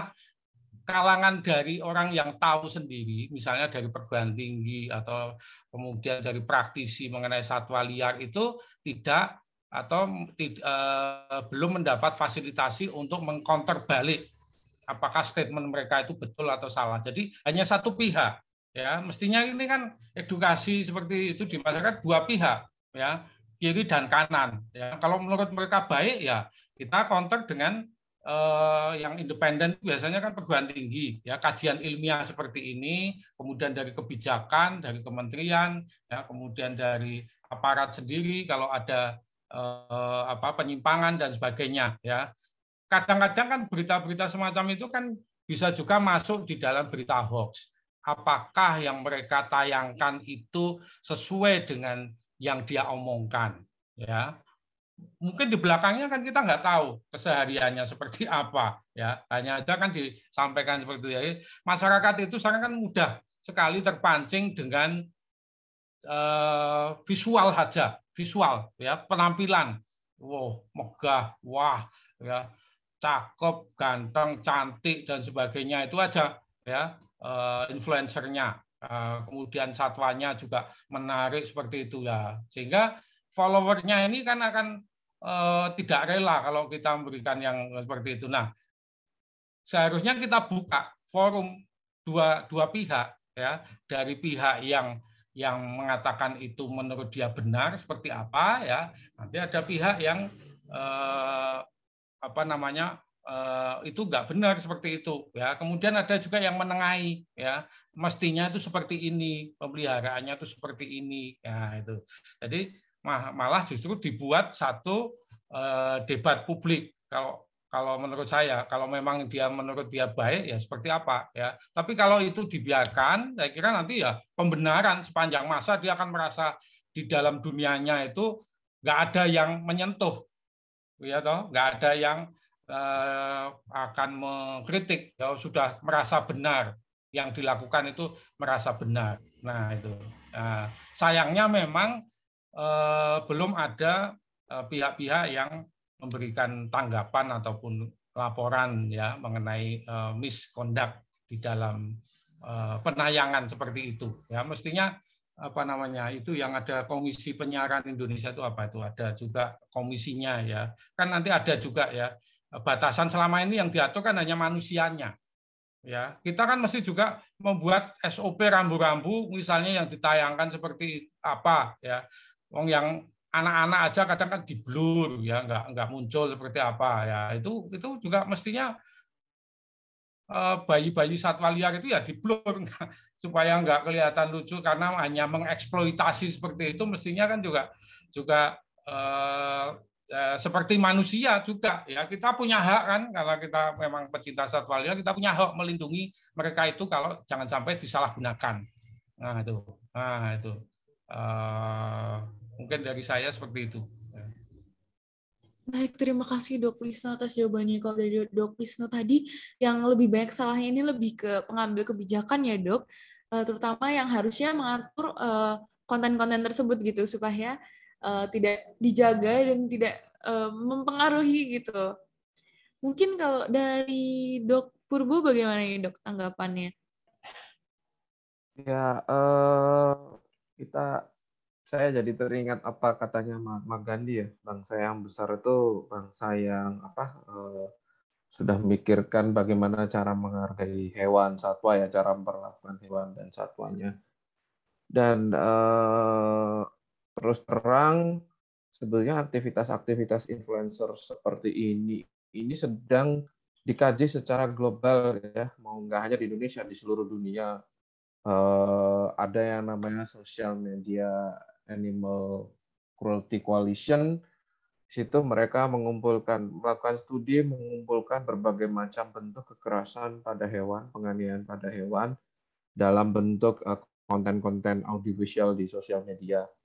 Dan di situ kita akan sangat kaget sendiri, apa sangat, sangat kaget sekali kalau melihat kategori-kategorinya itu sebetulnya kalau secara orang awam Indonesia nggak tahu, nah itu mah biasa gitu, tapi ternyata itu sudah tergolong kerasan Salah satunya ya uh, memelihara hewan sebagai satwa uh, satwa liar sebagai hewan piaraan, terus uh, apa menggunakan hewan sebagai uh, bahan hiburan kayak sirkus dan lain hal uh, dan banyak hal lainnya. Kalau teman-teman buka situsnya, teman-teman akan merasa lu ini ternyata ini ya apa uh, tergolong kekerasan pada hewan ya. Di situ mungkin kita kaget ya bahwa bahasanya mungkin kita bisa menganggap orang luar negeri lebay gitu kan, tapi mungkin kita yang terlalu apa ya sudah terlalu lama terbiasa menormalisasi dan mengglorifikasi perilaku seperti ini. Jadi standar norma kita itu ya agak-agak agak merosot sedikit gitu. Jadi eh, karena terbiasa melihat sesuatu itu dan normalisasi dan ini yang terjadi saya lihat sih di kalangan influencer dan mungkin dengan banyaknya pengikutnya yang lain-lain seperti itu. Jadi eh, se militan itu mereka sampai membela tanpa ngerti uh, tentang animal welfare dan lain hal gitu kan. Karena mereka menganggap itu jadi sesuatu yang biasa bahkan keren. Dampaknya sih luar biasa. Ya entah itu satwa akan selalu di, dianiaya katakanlah seperti itu atau uh, lebih ke arah uh, ikut-ikutan. Jadi kalau ikut-ikutan dalam artian ini membuat apa ya ketika melihat orang melihara satwa liar dan dimainkan itu jadi sesuatu yang biasa, orang jadi ikut-ikutan, tentunya ini akan jadi suatu motif ekonomi buat perburuan dan perdagangan satwa liar ilegal, yang nantinya akan mengaruh dong ke, ke pelestarian satwa liar dan alam. Lalu eh, kemudian kita juga perlu ingat sebagai dokter hewan kan kita eh, mensejahterakan manusia melalui satwa, melalui hewan. Di sini kita punya fokus soal bagaimana sih eh, transmisi zoonosis itu makin meledak dari tahun ke tahun dari COVID 2019, COVID COVID-19 kita bisa belajar bahwasanya penyakit ini sudah uh, terbukti itu zoonosis dan memang terjadi akibat interaksi manusia yang nggak semestinya dengan alam, salah satunya dengan tingginya tingkat deforestasi, perburuan satwa ilegal buat dikonsumsi, buat dipiara, dan itu berkumpul jadi satu tempat di pasar yang apa eh, aksesnya bebas luas gitu kan untuk diakses sama manusia. Jadi eh, ini nanti jangka panjangnya, efek jangka panjangnya sejauh itu yang tentunya ya yang rugi kan kita kita juga gitu loh. Apalagi kita mungkin tidak seprivilege uh, influencer-influencer ini yang mungkin punya punya apa ya kondisi dan status ekonomi yang lebih baik. Um, makanya uh, kalau kalau melihat ketika apa bagaimana sebaiknya memang kita bersuara untuk menolak ya karena uh, terutama teman-teman yang mahasiswa ataupun uh, saya sebagai profesional katakanlah sebagai dokter hewan ketika menanggapi ini selalu menanggapinya dengan kajian ilmiah. Karena ya mungkin nggak nyambung orang yang dianggap diajak untuk untuk berpikir seperti itu tapi maksudnya itu lebih baik dan lebih masuk akal daripada terbawa dengan sentimen-sentimen eh, personal dan lain hal. Karena ya itu tadi kan eh, profesi kita ya profesi yang ilmiah. Terus eh, dan ya memang apa ya sebisa mungkin sih kita tetap bersuara ya walaupun semenakutkannya itu bala-balanya gitu tapi uh, dari pengalaman saya banyak yang emang nggak ngerti itu pada akhirnya mengerti dan itu menjadi perubahan perilaku. Bahwasanya oh yang dari awalnya pro habis itu jadi kontra sama si itu. Bahkan ada yang sampai oh saya unsubscribe gitu dan uh, banyak hal ya cara dilakukan selain misalnya uh, counter counter isu kemudian membuat petisi. Kemarin saya uh, senang sekali ternyata ada yang sempat membuat petisi untuk uh, menolak influencer berinteraksi dengan satwa liar seperti itu. Bahkan mungkin kalau bisa makin banyak uh, kalangan dari akademisi maupun uh, NGO mungkinnya yang yang bersuara tentang pelestarian satwa dan alam karena kita kan berusaha untuk mencegah terjadinya paling tidak satu sih yang masalah uh, zoonosis transmission itu nanti terjadi lagi gitu kan.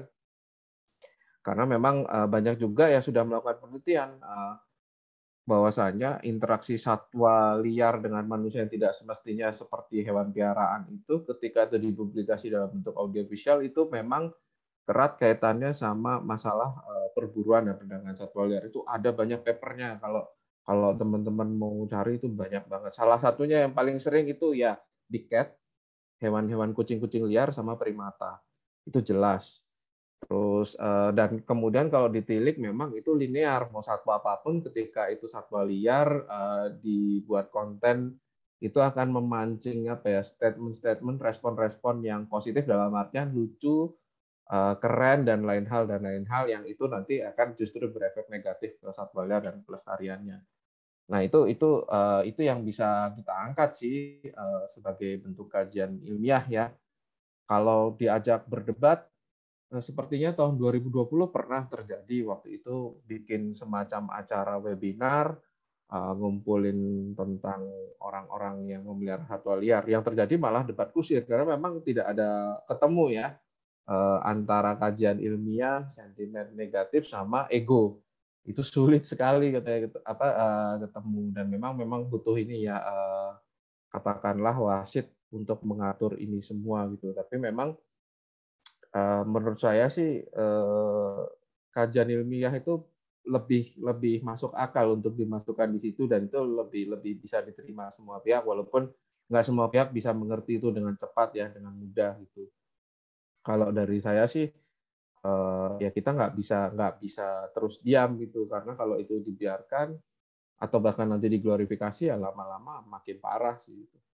mungkin itu dari saya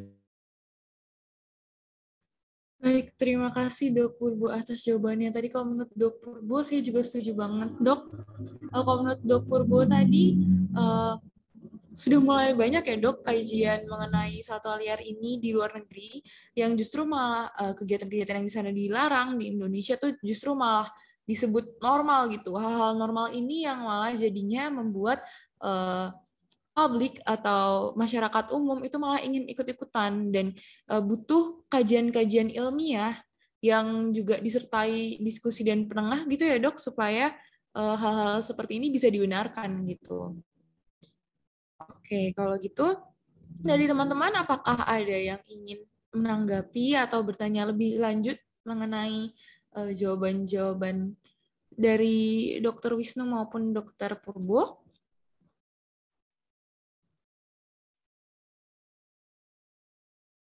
Oke, di sini ada Farah dari Kastrat BEM. Uh, boleh on mic nih Farah langsung ditanyakan atau ditanggapi? Baik, terima kasih atas waktunya. Sebelumnya izin bertanya dari untuk Dr. Purbo dan Dr. Wisnu. Dari tadi kan membahas tentang uh, hewan satwa liar yang dipelihara oleh influencer. Nah, yang ingin saya tanyakan di sini itu mungkin tadi beberapa sudah disebut ya dok, tapi ini lebih mendalam lagi tentang tanggapan dokter mengenai uh, kesejahteraan, kemudian kebebasan dan perilaku satwa liar yang memang kalau kita lihat secara visual sekarang, secara online itu terlihat seperti diperlakukan sebagai hewan kesayangan. Nah, menurut dokter itu apa atau tidak apa? Kemudian uh, yang beberapa pernah kali, uh, beberapa pernah saya lihat di luar negeri itu video tentang hewan yang satwa liar seharusnya berperilaku buas, tapi dia memang luluh kepada si pemelihara ataupun yang menangkar gitu dok. Itu sebenarnya baik gak sih buat hewan tersebut dan efeknya apa aja kalau berkepanjangan? Seperti itu. Terima kasih dokter.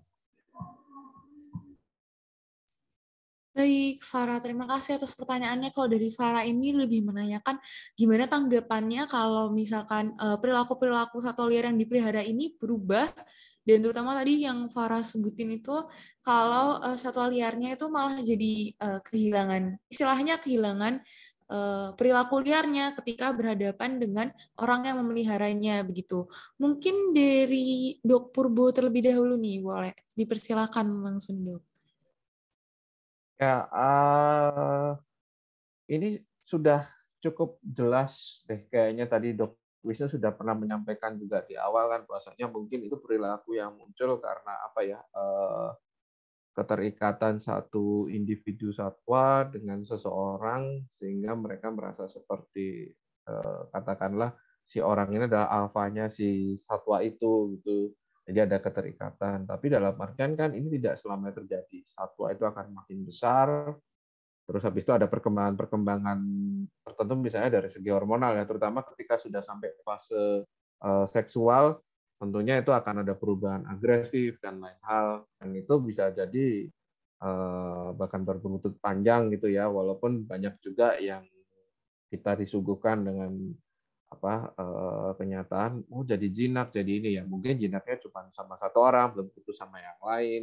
Dan dengan satu orang itu tertentu satu orang itu pun mungkin akan ada waktunya terjadi perubahan perilaku sehingga akan lebih agresif dan lain-lain. Jadi sebenarnya berbahaya gitu karena uh, Dr. Wisnu tadi juga udah bilang tuh apa yang dihadapkan di layar itu belum tentu sama dengan apa yang di belakang layar ketika katakanlah oh mereka dengan asik bermain dengan satwa liar mungkin tidak ditunjukkan kalau mereka ada ada hal lain misalnya luka atau ternyata satwanya disiksa yang ada yang tahu. Atau misalnya gini ada yang suka pamer piara primata bayi primata eh, terus-terusan ternyata nggak ada yang tahu bahwa ternyata walaupun kelihatan lucu dan ini ternyata bayinya itu sebetulnya bukan bayi yang sama. Bisa jadi itu individu yang berbeda sakit terus mati terus ganti lagi yang baru. Itu bisa aja terjadi. Jadi banyak hal yang kita nggak tahu apa yang ditampilkan di layar itu apakah sama dengan di kenyataannya.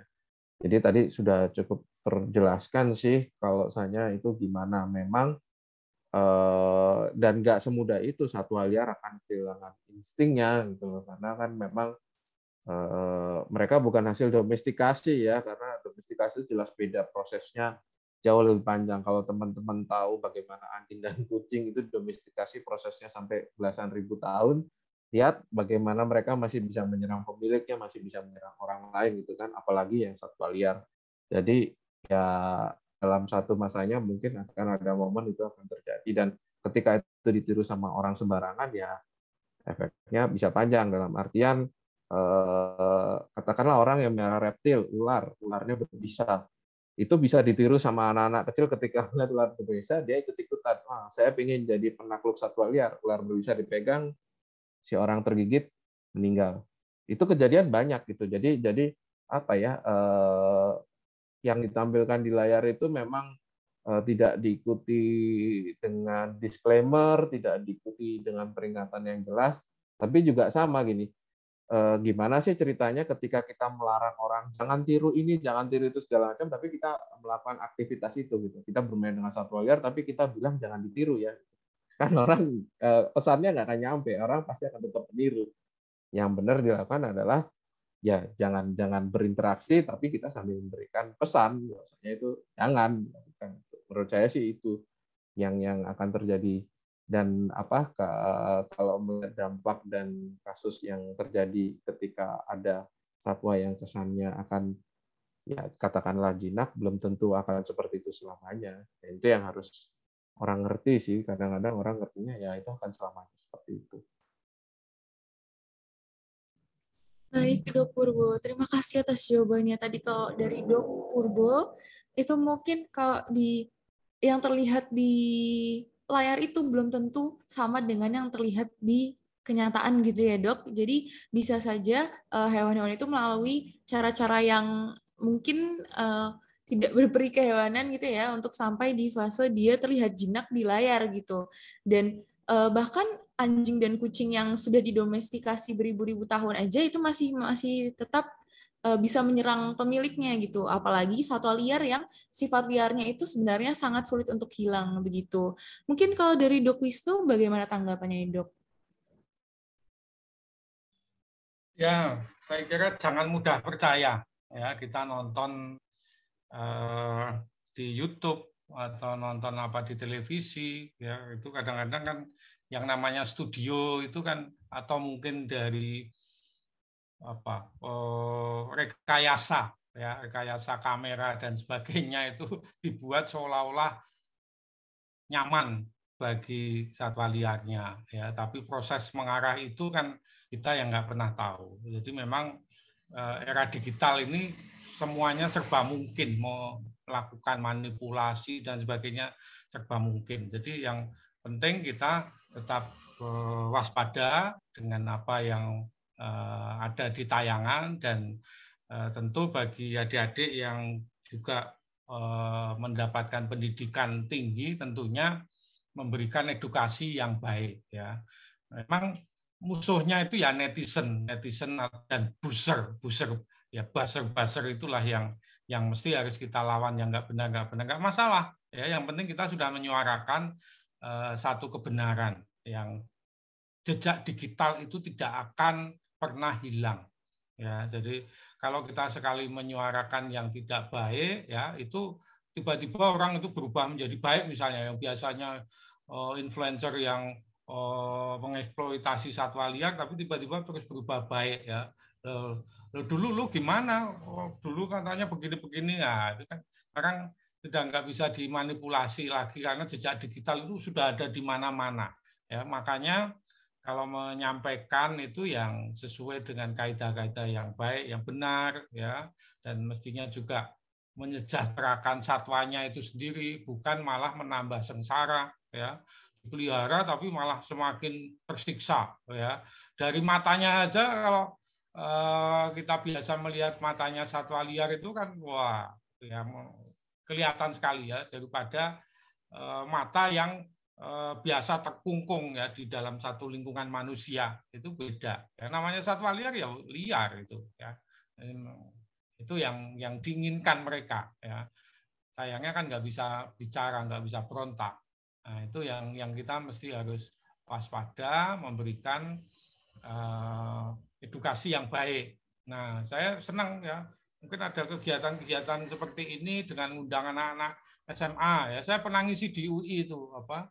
Eh, ada lomba apa ya? Lomba kayak zoologi gitu, tapi yang yang anak-anak SMA, so Indonesia itu. Nah, eh, saya waktu peringatan hari gajah waktu itu. Nah, mereka ternyata oh, antusias sekali. Ya ada ada lomba seperti itu ya mereka membuat satu opini ya. Nah, kemudian kita memberikan satu review mana yang baik ya.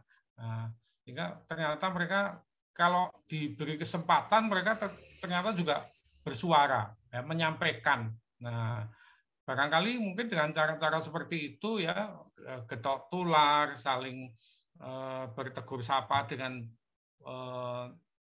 apa namanya pemerhati satwa liar yang lain ya sehingga kita akan mendapatkan manfaat ke depannya ya. Dunianya memang beda ya. Pendidikan kalian saat ini tuh itu lebih banyak digital. Kalau zaman saya kan ya konvensional di kelas. Ilmu saya itu ilmu di kelas ya. Duduk dengar itu aja. Baca sendiri ya. Internet belum ada. Nah tapi dengan sekarang kan kalian ini sudah sangat terbuka luas jadi memang harus pendekatannya harus sangat berbeda dengan apa yang pernah saya alami dulu. Ya, karena eh, publik sendiri sudah sangat eh, beda sekali ya eh, dengan dengan eh, kondisi-kondisi yang yang yang sangat berbeda. Ya, perubahannya kan era digital kan sangat-sangat eh, apa namanya sangat cepat sekali ya. Eh, kita baru mengenal eh, revolusi industri 4.0 Eh, sementara yang lain sudah society 5.0. Masyarakat sebagai pengguna digital. Ini kan kita diskusi dari jam 7 tadi kan masyarakat sebagai pengguna digital. Ya, khususnya yang terkait dengan masalah satwa liar. Itu yang harus kita banyak diskusikan. Itu. Jadi society 5.0 itu yang sekarang sudah eh, trennya harus didekati juga dengan pendekatan digital juga gitu. Saya kira itu ya, Mbak Nesya. Baik dok, terima kasih atas jawabannya. Mungkin uh, dari teman-teman, apakah ada yang mau menanggapi atau menanyakan lebih lanjut?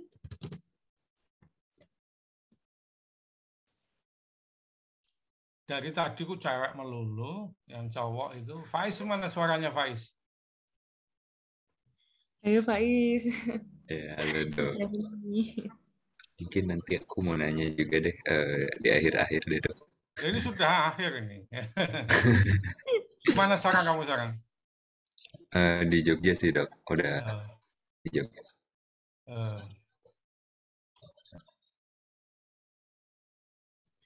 Oke dok, ini mungkin ada yang udah resen lebih dulu nih dok. Mungkin bisa AI dulu ya dok, gak apa-apa ya dok. Di sini ada Aisyah dari Laci yang raise hand boleh langsung uh, on mic nih Ai. Halo, sebelumnya selamat malam Dok Wisnu dan juga Dok Purba. Saya izin bertanya ya Dok. Jadi semakin uh, ke sini kan semakin banyak masyarakat yang ingin ikut memelihara satwa liar, entah untuk tujuan apa pun itu. Nah, yang mau saya tanyakan itu kira-kira usaha yang bisa kita lakukan sebagai mahasiswa, khususnya mahasiswa kedokteran hewan, uh, untuk membantu mencegah maraknya keinginan uh, pelihara satwa liar oleh masyarakat umum ini. Begitu dok, terima kasih. Oke, terima kasih Ai atas pertanyaannya. Kalau dari Ai tadi menanyakan uh, bagaimana peran kita sebagai mahasiswa kedokteran hewan ya Ai untuk mencegah hal-hal uh, seperti yang tadi kita diskusikan itu terjadi begitu. Uh, mungkin bisa dari Dok Wisnu terlebih dahulu. Dipersilahkan Dok.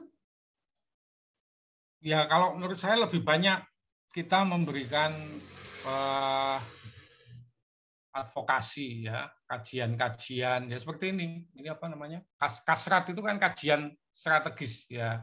Sekarang kan era digital kajiannya, konservasi di era digital itu apa ya. Nah, itu satu hal yang bagus sekali ya nanti di breakdown apa saja sih topik-topik yang terkait konservasi di era digital ini yang mungkin uh, menyesatkan ya tapi juga mendidik itu yang mana ya yang baik mengedukasi seperti apa ya itu dilakukan kajian-kajian yang mendalam ya.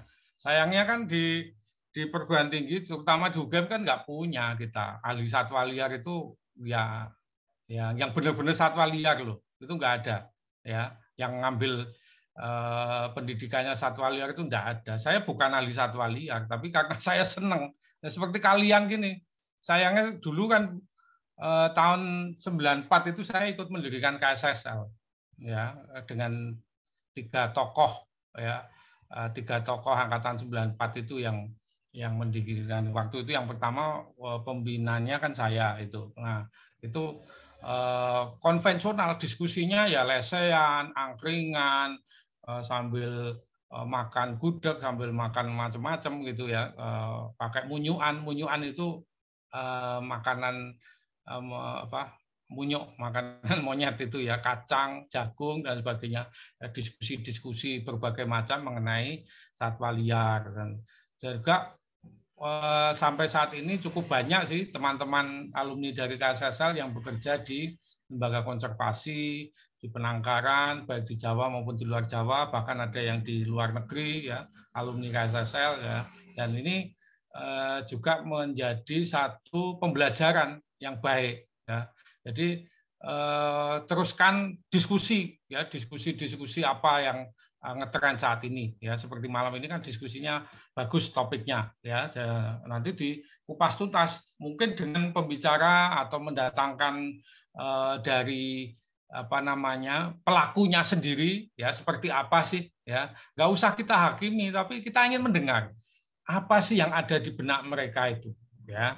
Bisa jadi mereka ingin membantu tapi caranya dengan membuat satu konten yang yang apa ya nantinya membuat eh, yang subscribe itu banyak jutaan ya sehingga dia bisa nanti menyumbang ke konservasi misalnya. Misalnya mungkin seperti itu. Ya kita kan nggak tahu ya. Ya diundang aja diundang ya. Ya kita sama-sama eh, tidak tidak tidak menghakimi tapi ingin bagaimana sih opini-opini teman-teman yang eh, me, apa ya mengeksploitasi satwa liar di dunia eh, medsos itu seperti apa ya kemudian yang teman-teman yang bergerak di in situ ya. Teman-teman yang in situ kan juga banyak yang eh, bekerja di NGO penyelamatan orangutan penyelamatan badak gajah ya.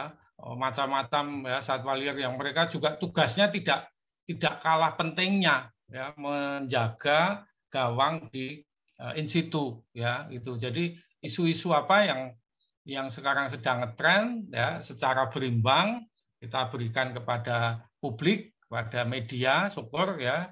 Nanti medianya juga harus jalan ya. Kalau nggak ada media KSSL itu yang dengar ya hanya 23 orang ini ya. Tapi kalau eh, nanti eh, ada divisi media yang akan membroadcast dengan baik diskusi ini dengan baik ya akhirnya memberikan eh, public awareness ya eh, masyarakat juga tahu sebetulnya oh, satwa itu tidak baik untuk dipelihara. Tadi sampaikan dokter Purbo misalnya eh, ada eh, hampir 68 persen itu zoonosis itu ya sebetulnya itu berasal dari karena satwa liar misalnya. Nah, misalnya kajian-kajian semacam itu kan dunia masyarakat masyarakat awam kan nggak tahu. Ya oh ternyata pelihara satwa liar itu juga ada bahayanya selain bahaya fisik ya ternyata bahaya yang tidak fisik eh, tidak kasat mata bakteri virus parasit jamur ya mengancam ke keselamatan pemeliharanya eh, juga yang punya juga eh, masyarakat sekelilingnya ya. Pernah saya diajak teman-teman KSDA untuk me, apa namanya me- melihat ya bukan melihat apa sidak ya sidak di salah satu satwa liar yang dihuni oleh eh, dipelihara oleh salah seorang pejabat ya. Nah, mereka mengatakan ya sama seperti tadi kualitas pakannya bagus kandangnya bagus ini wah, bahkan wah, menunjukkan ya ini dari beton dan sebagainya ini aman nggak akan lepas dan sebagainya security-nya 24 jam semua eh, siap di situ gitu kan. Nah jadi mereka intinya tidak mau melaporkan atau menyerahkan yang satwa dilindungi itu kepada pihak yang berwajib. Nah, kemudian kebetulan saya ikut, saya berikan aja komentar singkat.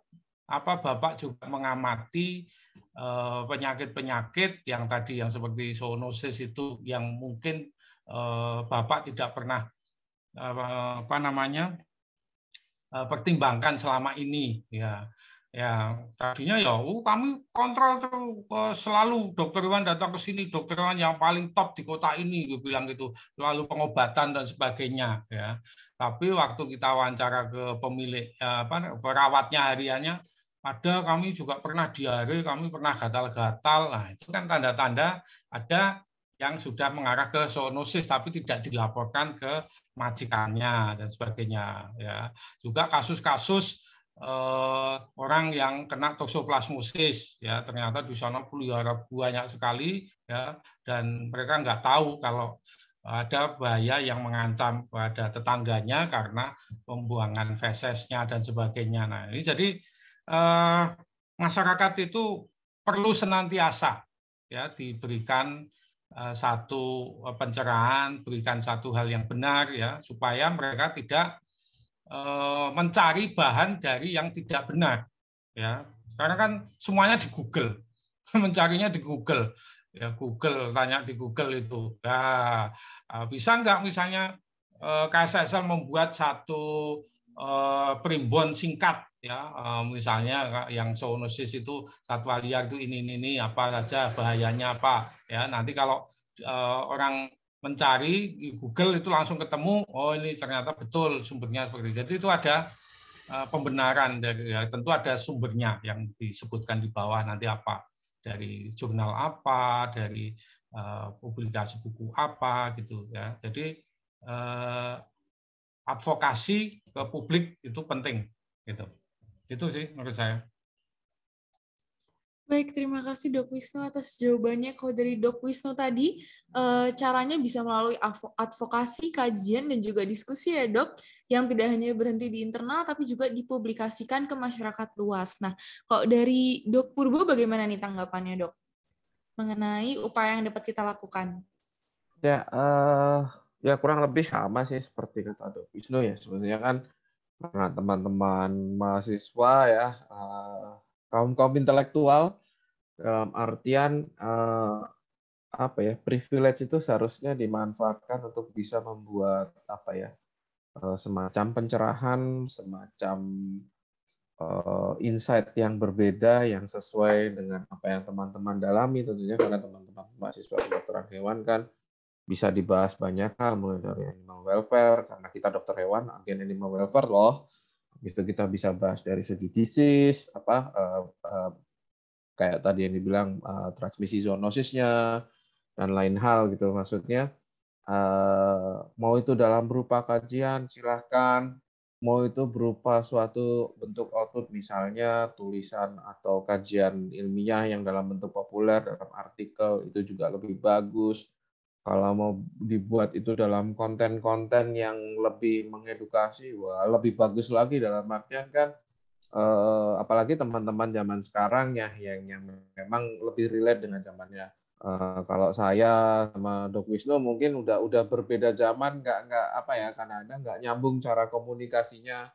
Nah mungkin kalau teman-teman yang di usia-usia sekarang lebih ngerti uh, apa salurannya seperti apa, mengerti gimana cara menguasai salurannya, tinggal masukkan apa sih yang teman-teman ingin uh, suarakan, gitu kan? Tentunya itu tadi karena teman-teman mahasiswa ya dikaji aja secara saintifik ya. Uh, mau itu dari segi welfare-nya, mau dari segi uh, penyakit dan lain hal gitu. Dan itu uh, tetap harus disuarakan dalam bentuk apa pun gitu. Jadi jadi ada ada outputnya. Gak usah takut sih. Kadang-kadang kan orang-orang yang yang apa yang suka menjegal itu kan mereka selalu dengan bilang alah mahasiswa atau apa sih gitu kalian juga belum ngapa-ngapain belum apa segala macam itu masalah personal. Tapi saya uh, yakin yang di sini pun mungkin sudah ada yang punya bentuk tanggung jawab dan konsekuensi bagaimana apa ya uh, menggunakan uh, waktu dan momen teman-teman untuk uh, melestarikan alam ya dalam artian bisa jadi sudah ada yang jadi uh, volunteer di LSM tertentu misalnya atau ada yang sudah sudah sudah apa terbiasa berdonasi untuk untuk organisasi tertentu. Ya nggak usah nggak usah takut itu ada yang sudah uh, sejak dini bahkan eh, saya kadang-kadang kaget itu bahkan usia belasan tahun sudah ada yang lebih aware soal konservasi bahkan gaya hidup go green itu sampai cukup keras gitu. Dalam artian cukup cukup militan. Bahwasanya mereka ada yang sudah jadi vegan sejak dini dan lain-lain itu. Ya itu terserah. Maksudnya itu itu sudah ada di personalnya masing-masing. Jadi nggak usah takut ketika ada orang-orang yang suka menjatuhkan opini dengan bilang, wah katanya peduli konservasi, tapi masih katakanlah makan gorengan itu kan hal-hal yang selalu dibuat apa ya eh, eh, opini-opini falasi yang selalu dijatuhkan buat teman-teman membangun eh, argumentasi secara ilmiah bahwasanya ada yang salah nih gitu kan. Tapi karena yang bersangkutan ataupun pendukungnya tidak bisa menyangga itu, mereka akan mencari sesuatu hal yang lain yang katakanlah itu bisa dibilang mau yang itu ad hominem, mau yang katakanlah itu what about ism, dan lain-lain. Jadi nggak usah peduli sih, yang penting sampaikan aja apa yang teman-teman sudah kaji. Ambil aja gitu maksudnya, ini take it or leave it gitu loh. Jadi dan itu sebisa mungkin teman-teman terus melakukan itu. Karena mungkin dari dari 100 orang kalau ada satu dua orang yang ternyata apa ya eh, terbawa eh, ajakan teman-teman tentunya itu lebih baik daripada kita diam dan tidak ada yang sama sekali. Akhirnya dari 100 itu bukannya berkurang malah nambah makin gede. Ya itu sih kalau menurut saya uh, tolong disuarakanlah semestinya gitu loh. Karena kalau cuman apa ya katakanlah cuman suara-suara satu dua orang aja ya hanya akan jadi berisik tapi berisiknya mungkin nggak begitu bermakna. Tapi kalau makin banyak dan makin masuk akal dengan argumentasinya ya itu akan membuat orang juga bisa jadi mereka nggak ngerti isunya tapi mereka jadi kerasa wah aku nggak nggak ngetren nih aku nggak update nih kalau nggak seperti itu gitu. Bisa jadi yang sekarang ini kenapa banyak pendukungnya? Karena ya mereka merasa nggak nggak gaul aja gitu nggak ikut ikutan support influencer ini kalau ternyata mereka ada ada gelombang lain gerakan lain yang kelihatannya lebih keren mereka bisa aja meniru yang lain yang lebih oke okay gitu ya itu masalah ini ya apa di usia tertentu ada orang-orang yang memang punya ini ya kerentanan untuk mengikuti satu dua pengaruh yang tidak baik katakanlah gitu. Ya, tapi maksudnya itu nggak akan bertahan selamanya juga. Jadi kalau teman-teman menurut saya teman-teman mahasiswa bisa terus menyuarakan itu gitu. Apalagi kalau itu sudah apa ya mendarah daging ke teman-teman ya karena teman-teman adalah eh, calon dokter hewan gitu. Itu alasannya lebih kuat untuk bicara daripada mungkin teman-teman yang awam yang nggak nggak ada di isu itu tiba-tiba ngomong aku nggak suka karena aku lebih pro pelestarian satwa liar atau aku nggak suka karena aku pro ke animal welfare tapi dia bukan apa-apa gitu. Dan itu yang saya rasain sih ketika saya tidak bilang saya seorang dokter hewan, orang akan terus menjatuhkan saya. Tapi begitu mereka tahu saya ternyata dokter hewan, ya opini itu bisa ditelan dengan bulat-bulat dan mereka menyesal dan habis itu merubah perilakunya. Gitu. Baik, terima kasih Dok Purbo atas jawabannya dari Dok Purbo tadi. Uh, mungkin sarannya untuk kita ya, uh, sebagai mahasiswa yang punya privilege dan ilmu yang mungkin lebih daripada orang awam, kita seharusnya uh, bisa membantu mengedukasi gitu ya dok mungkin melalui kajian melalui uh, artikel dan melalui konten supaya dapat memberikan ilmu yang kita juga pelajari di masa kuliah kepada uh, mungkin masyarakat luas begitu ya dok mungkin uh, dari kami di sini uh, uh, ada satu topik lagi nih kita sudah berpindah topik ke topik terakhir yaitu proses pengembalian satwa liar ke habitat aslinya. Nah, mungkin di topik ini dari teman-teman ada yang ingin uh, mungkin bertanya dulu mungkin ya kalau uh, untuk topik yang baru ini dari uh, Adina dari Kasat sudah raise hand di sini. Uh, boleh langsung on mic nih Adina. Oke, terima kasih atas waktunya. Uh, saya ingin bertanya kan tadi kita sudah mempelajari kalau misalnya hewan satwa liar terutama itu lebih baik uh, di alam bebas gitu ya dok.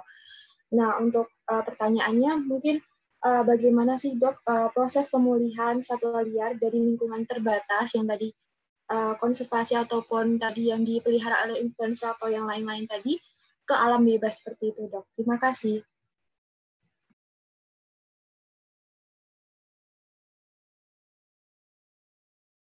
Terima kasih Adina atas pertanyaannya. Mungkin uh, boleh dari Dok Purbo terlebih dahulu nih mengenai proses pemulihan ya, pemulihan satwa liar ke alam aslinya. Itu proses uh, mengubah perilakunya mungkin seperti apa nih dok? Baik, uh, ya ini apa ya suatu proses yang kadang-kadang banyak orang sering bilang tanpa pernah melakukannya mereka bilang itu hal yang mustahil gitu. Uh, tapi ternyata se ada ada ada ini maksudnya bisa. Asal kita mau gitu loh. Asal kita berkomitmen ya. Uh, kalau dari belajar dari pengalaman saya, karena saya memang lebih banyak di rehabilitasi satwa, terutama primata, uh, sulit juga karena memang primata yang dipiara orang ini yang tidak semestinya dipiara orang, dipiara oleh orang semenjak bayi dan mereka jadi kehilangan insting karena mungkin tidak banyak belajar dari induknya. Eh akhirnya dipiara sama orang lebih banyak belajar sama orang dan jadi ya katakanlah nggak nggak nggak seperti satwa liar pada umumnya. Walaupun pada akhirnya mereka tetap satwa liar mereka masih agresif masih bisa melukai dan lain hal. Nah itu satwa-satwa ini yang diselamatkan. Nggak bisa langsung dilepas liarkan ke alam karena kan ada banyak permasalahan. Dalam artian mereka punya kontak dengan manusia cukup lama ada beberapa concern misalnya satu eh, dari segi fisiologis mungkin mereka eh, sakit membawa penyakit. Penyakitnya juga bisa jadi itu zoonosis atau penyakitnya nggak zoonosis tapi kalau langsung dilepas liarkan itu bisa membahayakan populasi di alam. Eh, dan di sisi lain dari segi mental mereka juga mungkin punya permasalahan mungkin sudah punya abnormalitas stereotyping dalam artian ya sudah berbeda nggak kayak uh, satwa di alam ya stres karena dikandangkan terus mungkin punya keterikatan dan ketergantungan sama satu dua orang pemiliknya misalnya seperti itu. Nah ini yang harus kita apa ya koreksi. Dalam artian itu perlu intervensi dari segi medis supaya dia setidaknya ketika datang sering-sering kondisinya kan jelek ya. Uh, ada yang macam-macam sih maksudnya ada yang sakit ada yang kurus, ada yang kegendutan, ada yang giginya dipotong, sayapnya dipotong, terlalu banyak kejaman lah katakanlah gitu. Itu yang harus kita intervensi medis dulu sampai kondisinya benar-benar tidaknya jadi netral dulu dari negatif jadi netral. Nah, habis ketika sudah netral, kita punya uh, ini lagi uh, tanggung jawab lagi untuk membuat dia menjadi bergeser ke arah positif dalam artian dia bisa makin sehat, terus dia bisa menunjukkan perilaku yang normal, tidak ketergantungan sama orang, dan eh, bisa berlaku seperti satwa liar pada umumnya. Katakanlah misalnya kalau primata kayak oa, mereka harusnya bisa bergelantungan ya berakiasi dari satu tempat ke tempat lain, tapi karena terbiasa digendong dan lain-lain, jalan saja nggak bisa.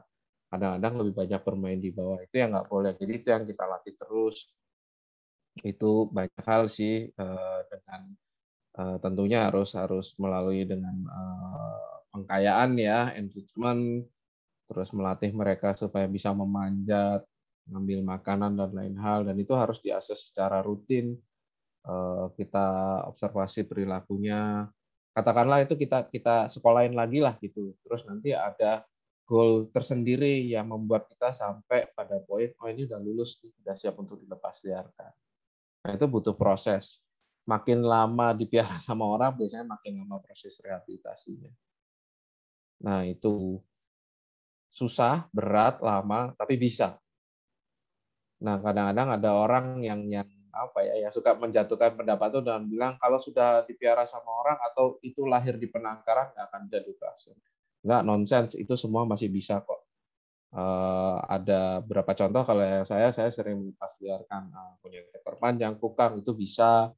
Lalu kalau yang satwa liar yang dilahirkan di kandang salah satu contohnya ada misalnya owa dan lutung jawa yang uh, ditangkarkan di kebun binatang di Inggris dibawa pulang ke Indonesia lalu mereka dilepas liarkan oleh Yayasan Aspinal Aspinal Indonesia.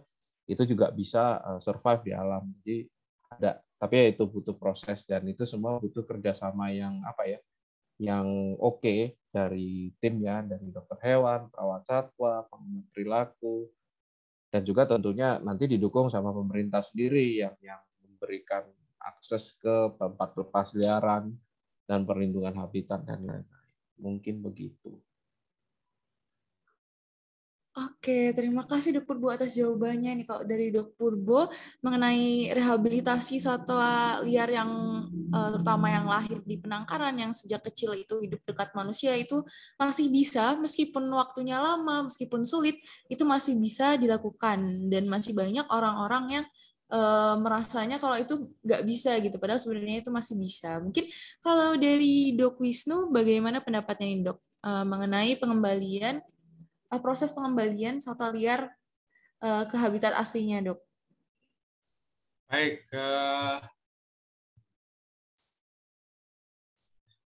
jadi kebetulan saya ikut banyak terlibat ya kalau seperti di Dok Purbo saya awalnya juga di orang hutan banyak di Samboja kemudian ikut penelitian di Nyaru Menteng kemudian di tempatnya Galdikas di Tanjung Puting ya.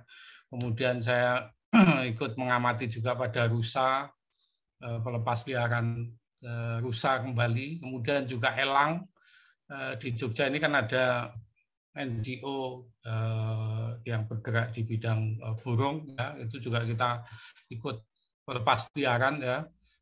Kemudian ada juga jalak Bali di Taman Nasional eh, di Bali Barat sana eh, itu ternyata juga eh, berhasil ya. Jadi memang banyak faktor ya. Yang jelas pelepas liaran itu mahal ya. Satu kegiatan yang mahal sekali ya. Mahalnya itu tidak hanya dari sisi finansial tetapi yang non finansial juga ya. Dari sisi kebijakan dari wah itu banyak sekali ya. Eh, aspek-aspek yang perlu disiapkan ya. Jadi dari aspek eh, di pusat rehabilitasinya, reintroduksinya itu kan baru dicek betul tadi sampaikan dokter Purbo ya. Eh, satwa yang datang itu eh, darahnya, kemudian di tes genetiknya dia asal usulnya dari mana, ya. Jangan sampai nanti dilepaskan di tempat di rumah yang salah, ya. Nanti akan malah mencemari eh, genetik di lokasi yang yang sudah ditetapkan di situ, ya kan nggak mungkin mungkin misalnya orang hutan Sumatera dilepaskan di Kalimantan, Kalimantan lepaskan di Sumatera, ya jadi kajiannya banyak. Ya. Kemudian kajian Eh, nutrisi, ya, kesiapan dia mencari pakan itu juga ilmunya banyak sekali. Seperti di Borneo orang hutan survival itu kan sampai dia apa latihan manjat dan sebagainya ada sekolahnya ya ada apa namanya harvest apa tapi yang di uh, apa namanya yang tempat sekolahnya itu loh dia berangkat pagi sampai ke sana kemudian dilatih cari makanan di di uh, puncaknya itu itu kan mahal pelatihan yang mahal. Nah hanya saja dari situ saya mulai meneliti ya karena ilmu saya ilmu ilmu uh, mengenai mengenai uh, parasit jadi saya lebih meneliti ternyata tidak semuanya itu siap ya dengan pakan yang diberikan selama di pusat rehabilitasi ya penangkaran itu karena mereka tidak mendapatkan makanan yang seperti itu di uh, lokasi pelepas liaran. Nah, juga kemudian rekomendasi saya memberikan pakan-pakan yang nantinya itu memiliki kandungan anti parasit ya daun-daunan dari alam. Ya ternyata ada di alam itu ya. Seperti tadi saya sampaikan ada Eh, sirih, petai Cina, ya, kemudian ada eh, daun nangka dan sebagainya, ya mereka bisa nemukan itu. Nah, jadi sebelum dilepas liarkan tentu habitatnya, ekosistemnya, ya itu harus dinilai dulu, apakah ini ada enggak, ya eh, yang dibutuhkan di eh, lokasi itu ada atau tidak, ya. Karena pernah terjadi pada Bekantan, ya. Eh, ada satu keinginan dari Pemda salah satu Pemda memindahkan Bekantan ya. Karena di situ ada minyak ya. Kemudian dipindahkan Bekantannya diusir ya. Nah kemudian menemukan ada satu pulau. Oh ini cocok nih aman dari manusia ya ya kemudian yang dikaji ya hanya tempatnya aman dari manusia ya e, karena memang tergesa-gesa karena desakan dari eh, pemberi dana ya dari eh, yang eksploitasi minyak tadi. Eh, begitu dipindahkan, ya nggak sampai setahun itu sudah 75 persen itu mati. Ya, karena apa? Yang dibutuhkan di sana pakannya, nutrisinya, dia nggak bisa mengobati sendiri kalau sakit, kan obat cacingnya nggak bisa beli di pet shop. Ya, nah, dia harus cari apa yang dia miliki yang ada di alam itu. Nah itu yang yang saya eh, sarankan di beberapa tempat-tempat eh, rehabilitasi ya dilatih ya dikenalkan dengan pakan-pakan yang mengandung anti parasit, anti diare, ya, anti radang, ada semua ya. Dan negara kita ini kan kaya sekali dengan keanekaragaman apa namanya eh, tanaman ya apa saja itu ada.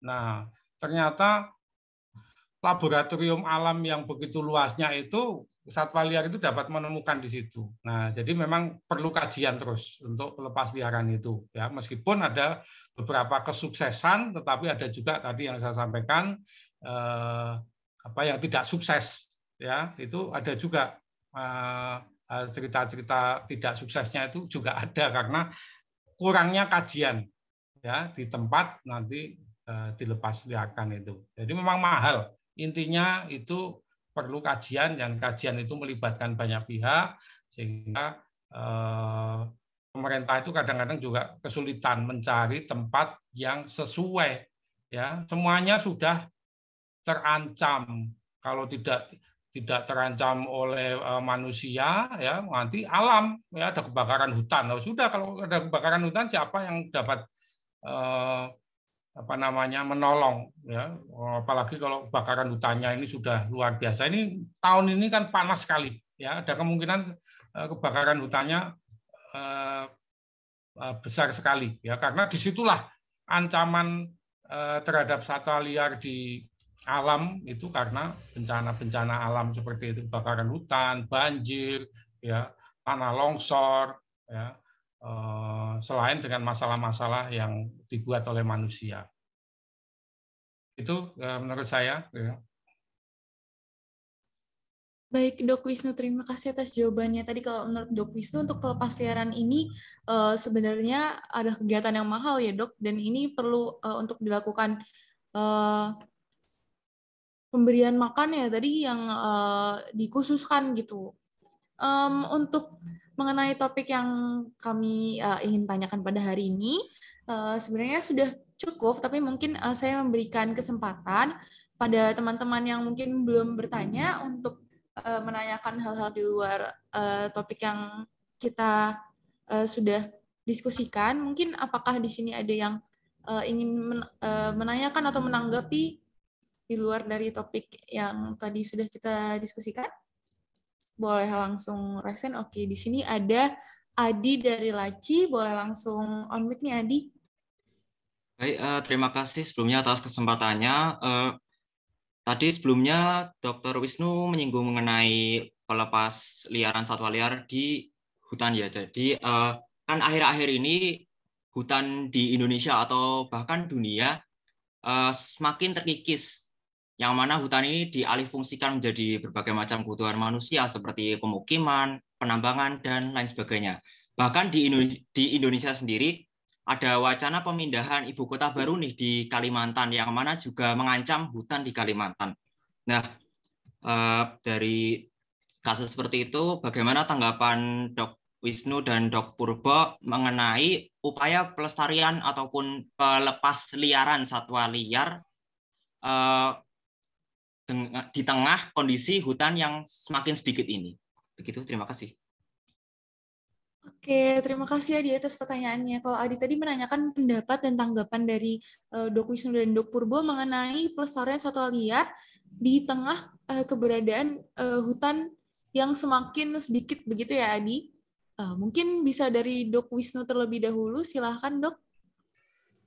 Kalau menurut saya pemerintah itu sudah menyiapkan ya menyiapkan eh, tempat-tempat ya tempat-tempat untuk pelepas liaran. Ada banyak juga taman nasional ya lebih dari 50 taman nasional yang yang sudah disiapkan ya.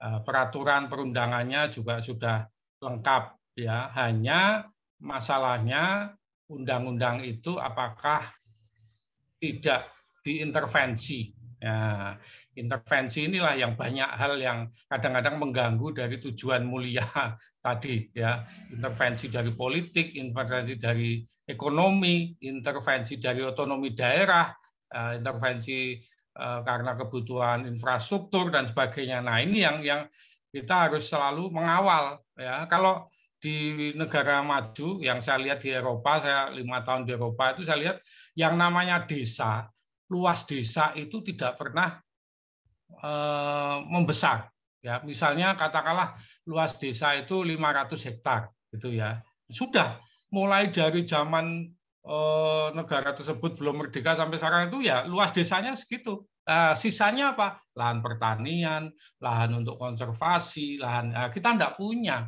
Zaman saya kecil antara Jogja Solo itu kan masih ada sawah, hijau menguning dan sebagainya ya. Nah, sekarang bangunan semua jadi sawah beton semua antara Jogja dan Solo ya. Pinggir jalan jadi toko jadi ruko ya sawahnya sudah hilang. Kenapa? Ya perubahan itu yang tidak ada aturan yang jelas. Misalnya desa ini ya sudah kalau orangnya nggak cukup ya naik kan.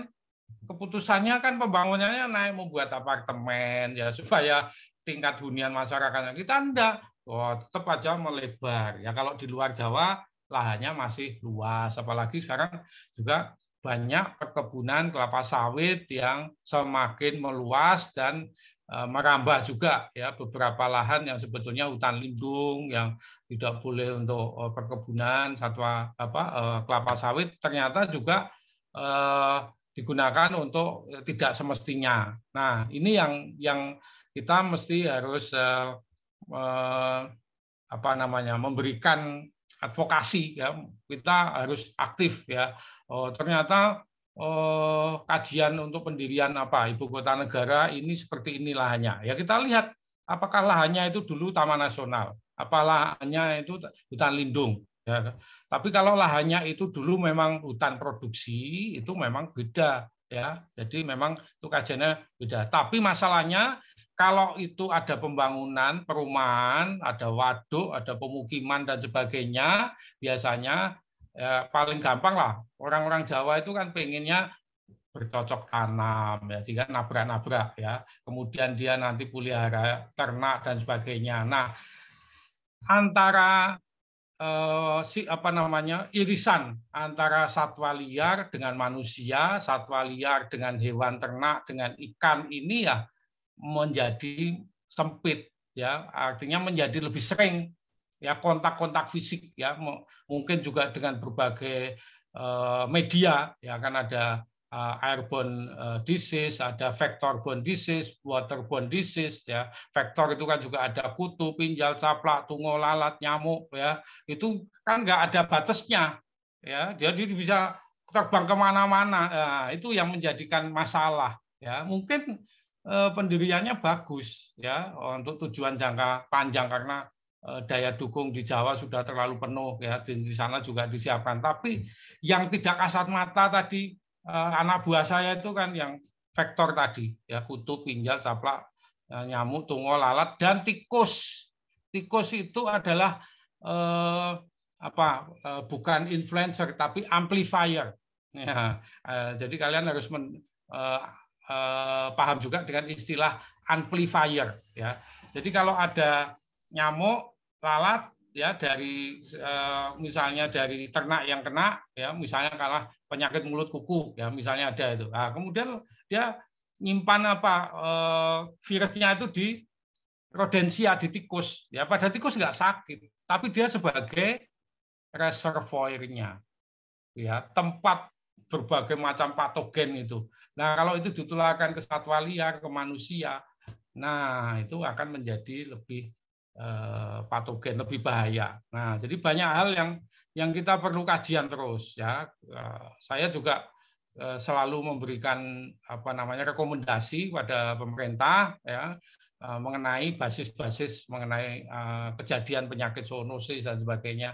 Ya, kebetulan juga beberapa kali diskusi dengan kementerian juga saya selalu menyampaikan ini bahayanya seperti ini ya. Ternyata juga sudah banyak terjadi ya saat ini wabah-wabah penyakit itu karena banyak faktor tadi yang saya sebutkan. Saya kira itu. Ya. Baik, terima kasih Dok Wisnu atas jawabannya. Tadi kalau menurut Dok Wisnu, sebenarnya uh, pemerintah tuh sudah mencoba untuk mempersiapkan mengenai pelepas liaran, tapi uh, biasanya uh, alasan kenapa menjadi hutan itu menjadi semakin buruk itu adalah karena perkembangan manusianya ya dok. Jadi yang perlu diperbaiki oh, itu lebih ke yeah peraturan dan juga undang-undangnya begitu ya dok. Oke kalau gitu uh, kepada Dok Purbo, boleh nih di, uh, tanggapannya bagaimana nih mengenai pelepas liaran yang terganggu dengan keadaan hutan, pelestarian dan pelepas liaran, Mas? Ya, uh, ya itu betul banget sih yang dibilang Dok Wisnu ya itu uh, kondisinya alam kita itu ya bukannya mau membenarkan katanya si influencer bahwa alam sedang tidak baik-baik saja ya memang nggak baik-baik saja gitu. Tapi maksudnya um, konsekuensi dari itu kan banyak ya. Tadi sudah cukup banyak dijelasin sama Wisnu. Tapi yang menyebabkan itu awalnya tentunya ya karena populasi manusia makin banyak itu menjadi sesuatu yang mungkin sulit dihindari dan memang kebutuhan makin tinggi uh, ekspansi uh, dari kebutuhan itu ya kita butuh sumber daya energi, kita butuh sandang pangan papan dan lain hal itu yang jadi jadi sesuatu yang tidak dihindar ti, apa sulit dihindarkan tapi bukan berarti tidak bisa dikelola dengan bijak ya. Nah, dengan apalagi dengan risikonya tadi yang dokter sudah bilang justru resiko balik ke manusia lebih besar karena itu memungkinkan terjadi pandemi selanjutnya katakanlah seperti itu karena ada ancaman zoonosis dan lain-lain. Ya ini kita belajar One Health. Nah itu juga jadi alasan kenapa eh, dokter hewan harus diikut sertakan dalam One Health itu karena ya nggak simpel itu eh, bahwasanya hewan tok gitu, tapi ternyata hewan, satwa liar, alam semuanya punya fungsi ekologisnya masing-masing gitu kan dan termasuk juga ketika bicara konservasi bahwasanya memang pelepas liaran itu bukan solusi utama gitu. Eh, konservasi itu harus dilakukan secara holistik ya, secara menyeluruh. Jadi nggak hanya cuman mikirnya rescue, rehabilitasi, terus rilis. Kita lupa akar permasalahannya di mana. Akar permasalahannya karena alam makin rusak, manusia berburu, manusia memanfaatkan satwa liar dengan tidak semestinya. Nah itu yang harus kita coba pikirkan juga gitu loh dalam artian kalau alam itu rusak ya harusnya alamnya direstorasi, direhabilitasi.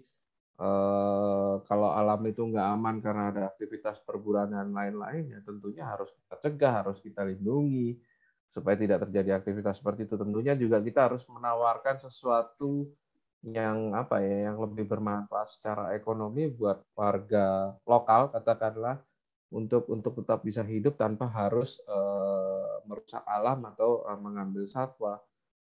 Dan di sisi lain uh, kemudian ya kita juga mau nggak mau juga harus melihat bahwasanya perdagangan satwa liar dengan dengan uh, katakanlah dengan pasar satwa yang tidak diatur sedemikian rupa ya. Uh, saya sulit bilang untuk itu harus tutup karena kan memang pasar satwa ini mau pasar burung, pasar hewan apa pun itu kan apa ya komoditas ekonomi. Tapi kita tidak mengatur itu dengan baik. Bahwasanya uh, kalau kayak kasus kita bicara di Wuhan karena itu tidak diatur dengan baik itu menjadi apa ya satu hub untuk media penyebaran penyakit.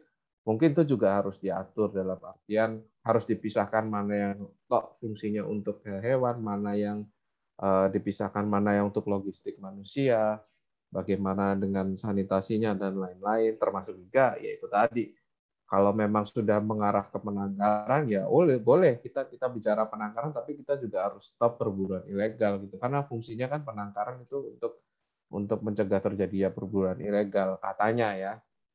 Nggak artian itu semua harus dilakukan secara sinkron bersinergi sehingga nggak perlu juga kita capek-capek mikir untuk sudah rescue rehabilitasi habis itu dirilis terus ternyata pas dirilis satwanya nggak bisa bertahan lama karena alamnya mungkin nggak sesuai atau uh, kurang mendukung si satwanya atau malah tidak aman dan lain-lain itu yang jelas semuanya harus sinergi berkesinambungan dan apa ya uh, sesuai pada fungsi dan tujuannya gitu. Yang jelas dengan kondisi itu solusi menyelamatkan satwa di rumah orang itu itu nonsens itu itu itu yang harus kita pertegas juga bahwasanya itu malah mendukung terjadinya penularan penyakit kan.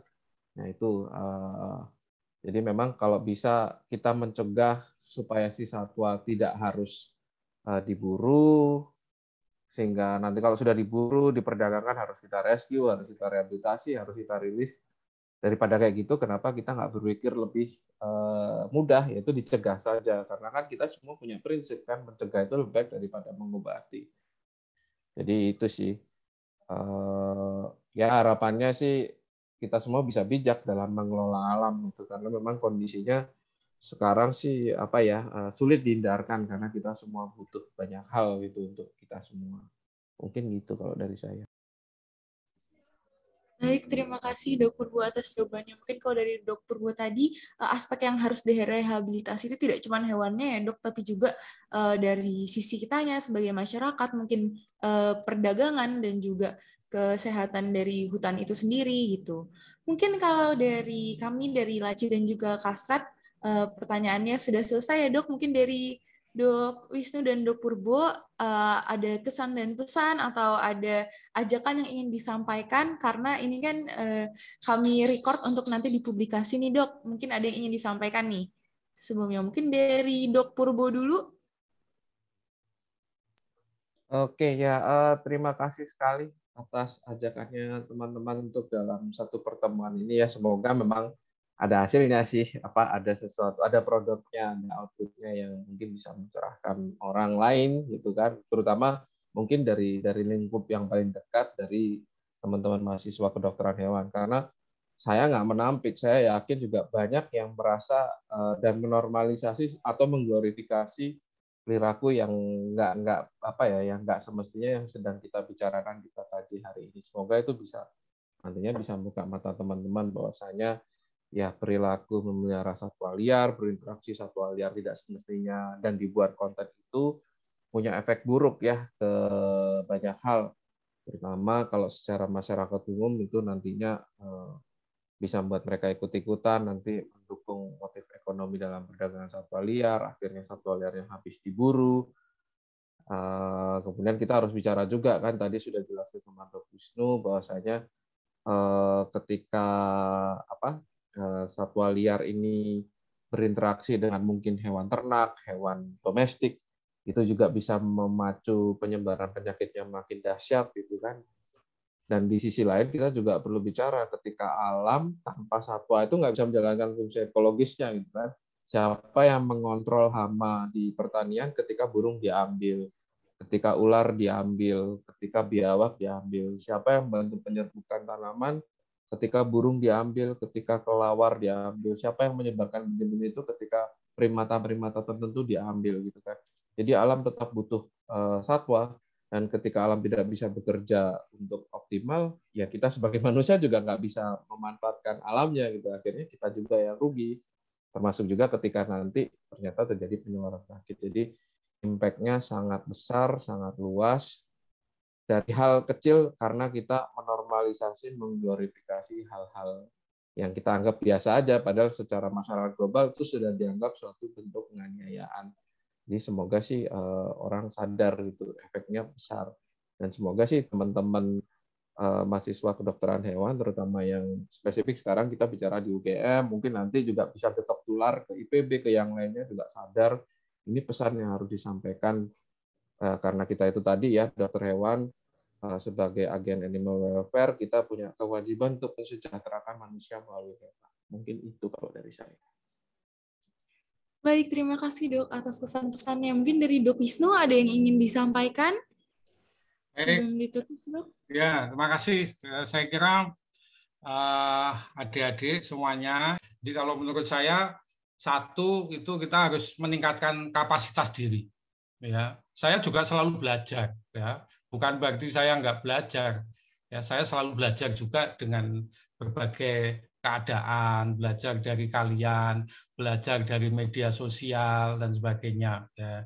Jadi peningkatan kapasitas diri itu penting ya. Kapan pun kita harus selalu eh, belajar kepada sesama. Kita juga belajar dari satwa liar apa yang eh, baik bagi satwa liar kesehatannya kita tiru oh ternyata dia mengeksploitasi uh, fitofarmaka. Oh, kemudian dibuat obat-obatan untuk manusia. Itu kan belajar juga. Nah, kemudian kita harus dapat menyesuaikan diri dengan situasi saat ini yang tadi saya sampaikan di era digital ya. Saya setuju sekali kalau misalnya kalian ada semacam media platform misalnya seperti podcast atau mungkin uh, medsos seperti uh, Instagram atau mungkin kalau Twitter ter, apa namanya melelahkan ya mungkin Facebook. Tapi isinya yang konten-konten yang mendidik ya konten yang mendidik ya.